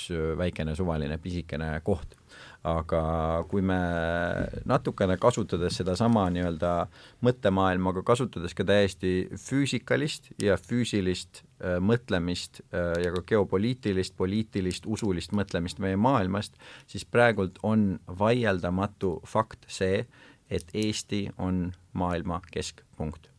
Me seisame lääne ja ida vahel nii geopoliitiliselt kui ka äh, usu mõttes, eks ole, see on nagu ka äh, selle nii-öelda kristluse siis idakiriku, eks ole, ääre, peaaegu äärepunkt no, kui, ka, kui ka see, kust, kust ida igale poole sisse tuleb. Ja äh, samal ajal meil on ka väga tugev ühendus siiamaani meie kogu selle šamanismi ja nõiduse ja, ja kõige selle muuga, kogu see äh, maausk nii-öelda. Äh,, et äh, ja, ja lisaks sellele siis kogu see koht nii-öelda, kust meie see šamanism täna siis välja pritsib, mida ma enne ka mainisin, mis on kogu see IT, IT-maailm, ehk siis meil on tegelikult mitte kellelgi mitte kuskil ei ole maailma kursi üle rohkem võimu kui eestlastel. me oleme praegult absoluutne maailma keskpunkt, ehk siis need, need asjad, mida meie siin teeme, omavad metsikult palju rohkem tähtsust kui igasugused muud asjad, mida me mõtleme. ja teine asi mis võib-olla kõlab veel äh, esoteerilisemalt ja ketserlikumalt, on see, et tänasel päeval elab maailmas natukene rohkem kui kaheksa miljardit inimest.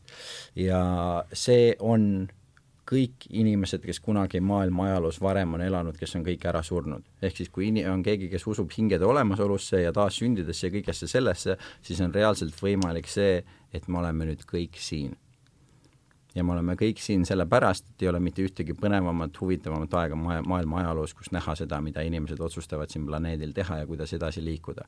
ja olles samal ajal keegi, kes on otsustanud olla Eestis ja siin elada, siis äh, loomulikult on võimalik sellest kõigest äh, nii-öelda masenduda ja heituda ja vihapilduda igale poole laiali, aga samal ajal, kui me mõistame seda, kus kohas meie juured on, kui me mõistame seda kohta, kus me seisame, kus me oleme, kes me oleme, milleks me võimelised oleme, vahet pole, kas metsas nõidudes või siis äh, kõiki neid äh, IT ükssarvikuid luues, siis äh, meil on kõigil võimalus äh, nii-öelda otsustada, mis äh, nii-öelda rolli me tahame, et me oleksime maailma ajaloos äh, mänginud aga good riff. See on, see on hea, eh, hea eh, asi, kus siis tõmmata joon alla, et äh, aitäh, Raimo Kaarlaid, aitäh, Aleksander Eri Laupmaa, rääkisime siis täna äh, Stanislav Grohvist, ta on esindatud eesti keeles minu parima arusaamise järgi praegu siis viie raamatuga, siin on tuleviku psühholoogia, see ei ole küll kohviraamat, see on Alfred Hoff, Albert Hoffmann äh, oli siis LSD isa ja Krohv siis äh, ristiisa. ja siin on siis kosmiline mäng ja ja kui sünnib ilmvõimatu ja peale selle on veel eesti keeles olemas tulevikupsühholoogia ja viimne teekond, eks ega vist rohkem ei tulnud meil praegu ette, minu arust oli viis raamatut. nii, ja, ja soovitaks seda siis kuulata, soovitaks seda siis kuulata ka Youtube'is ja ja, ja veel kord, tegemist on tõesti, ta ei ole seda kusagilt kokku lugenud, millest ta kirjutab, vaid isik, isiklikult pealt, isiklikult pealt näinud ja ja, ja kogenud, nii et äh, aitäh teile veel kord ja ja tõmbame siis äh, joone alla tänasele kohtumisele. suur tänu!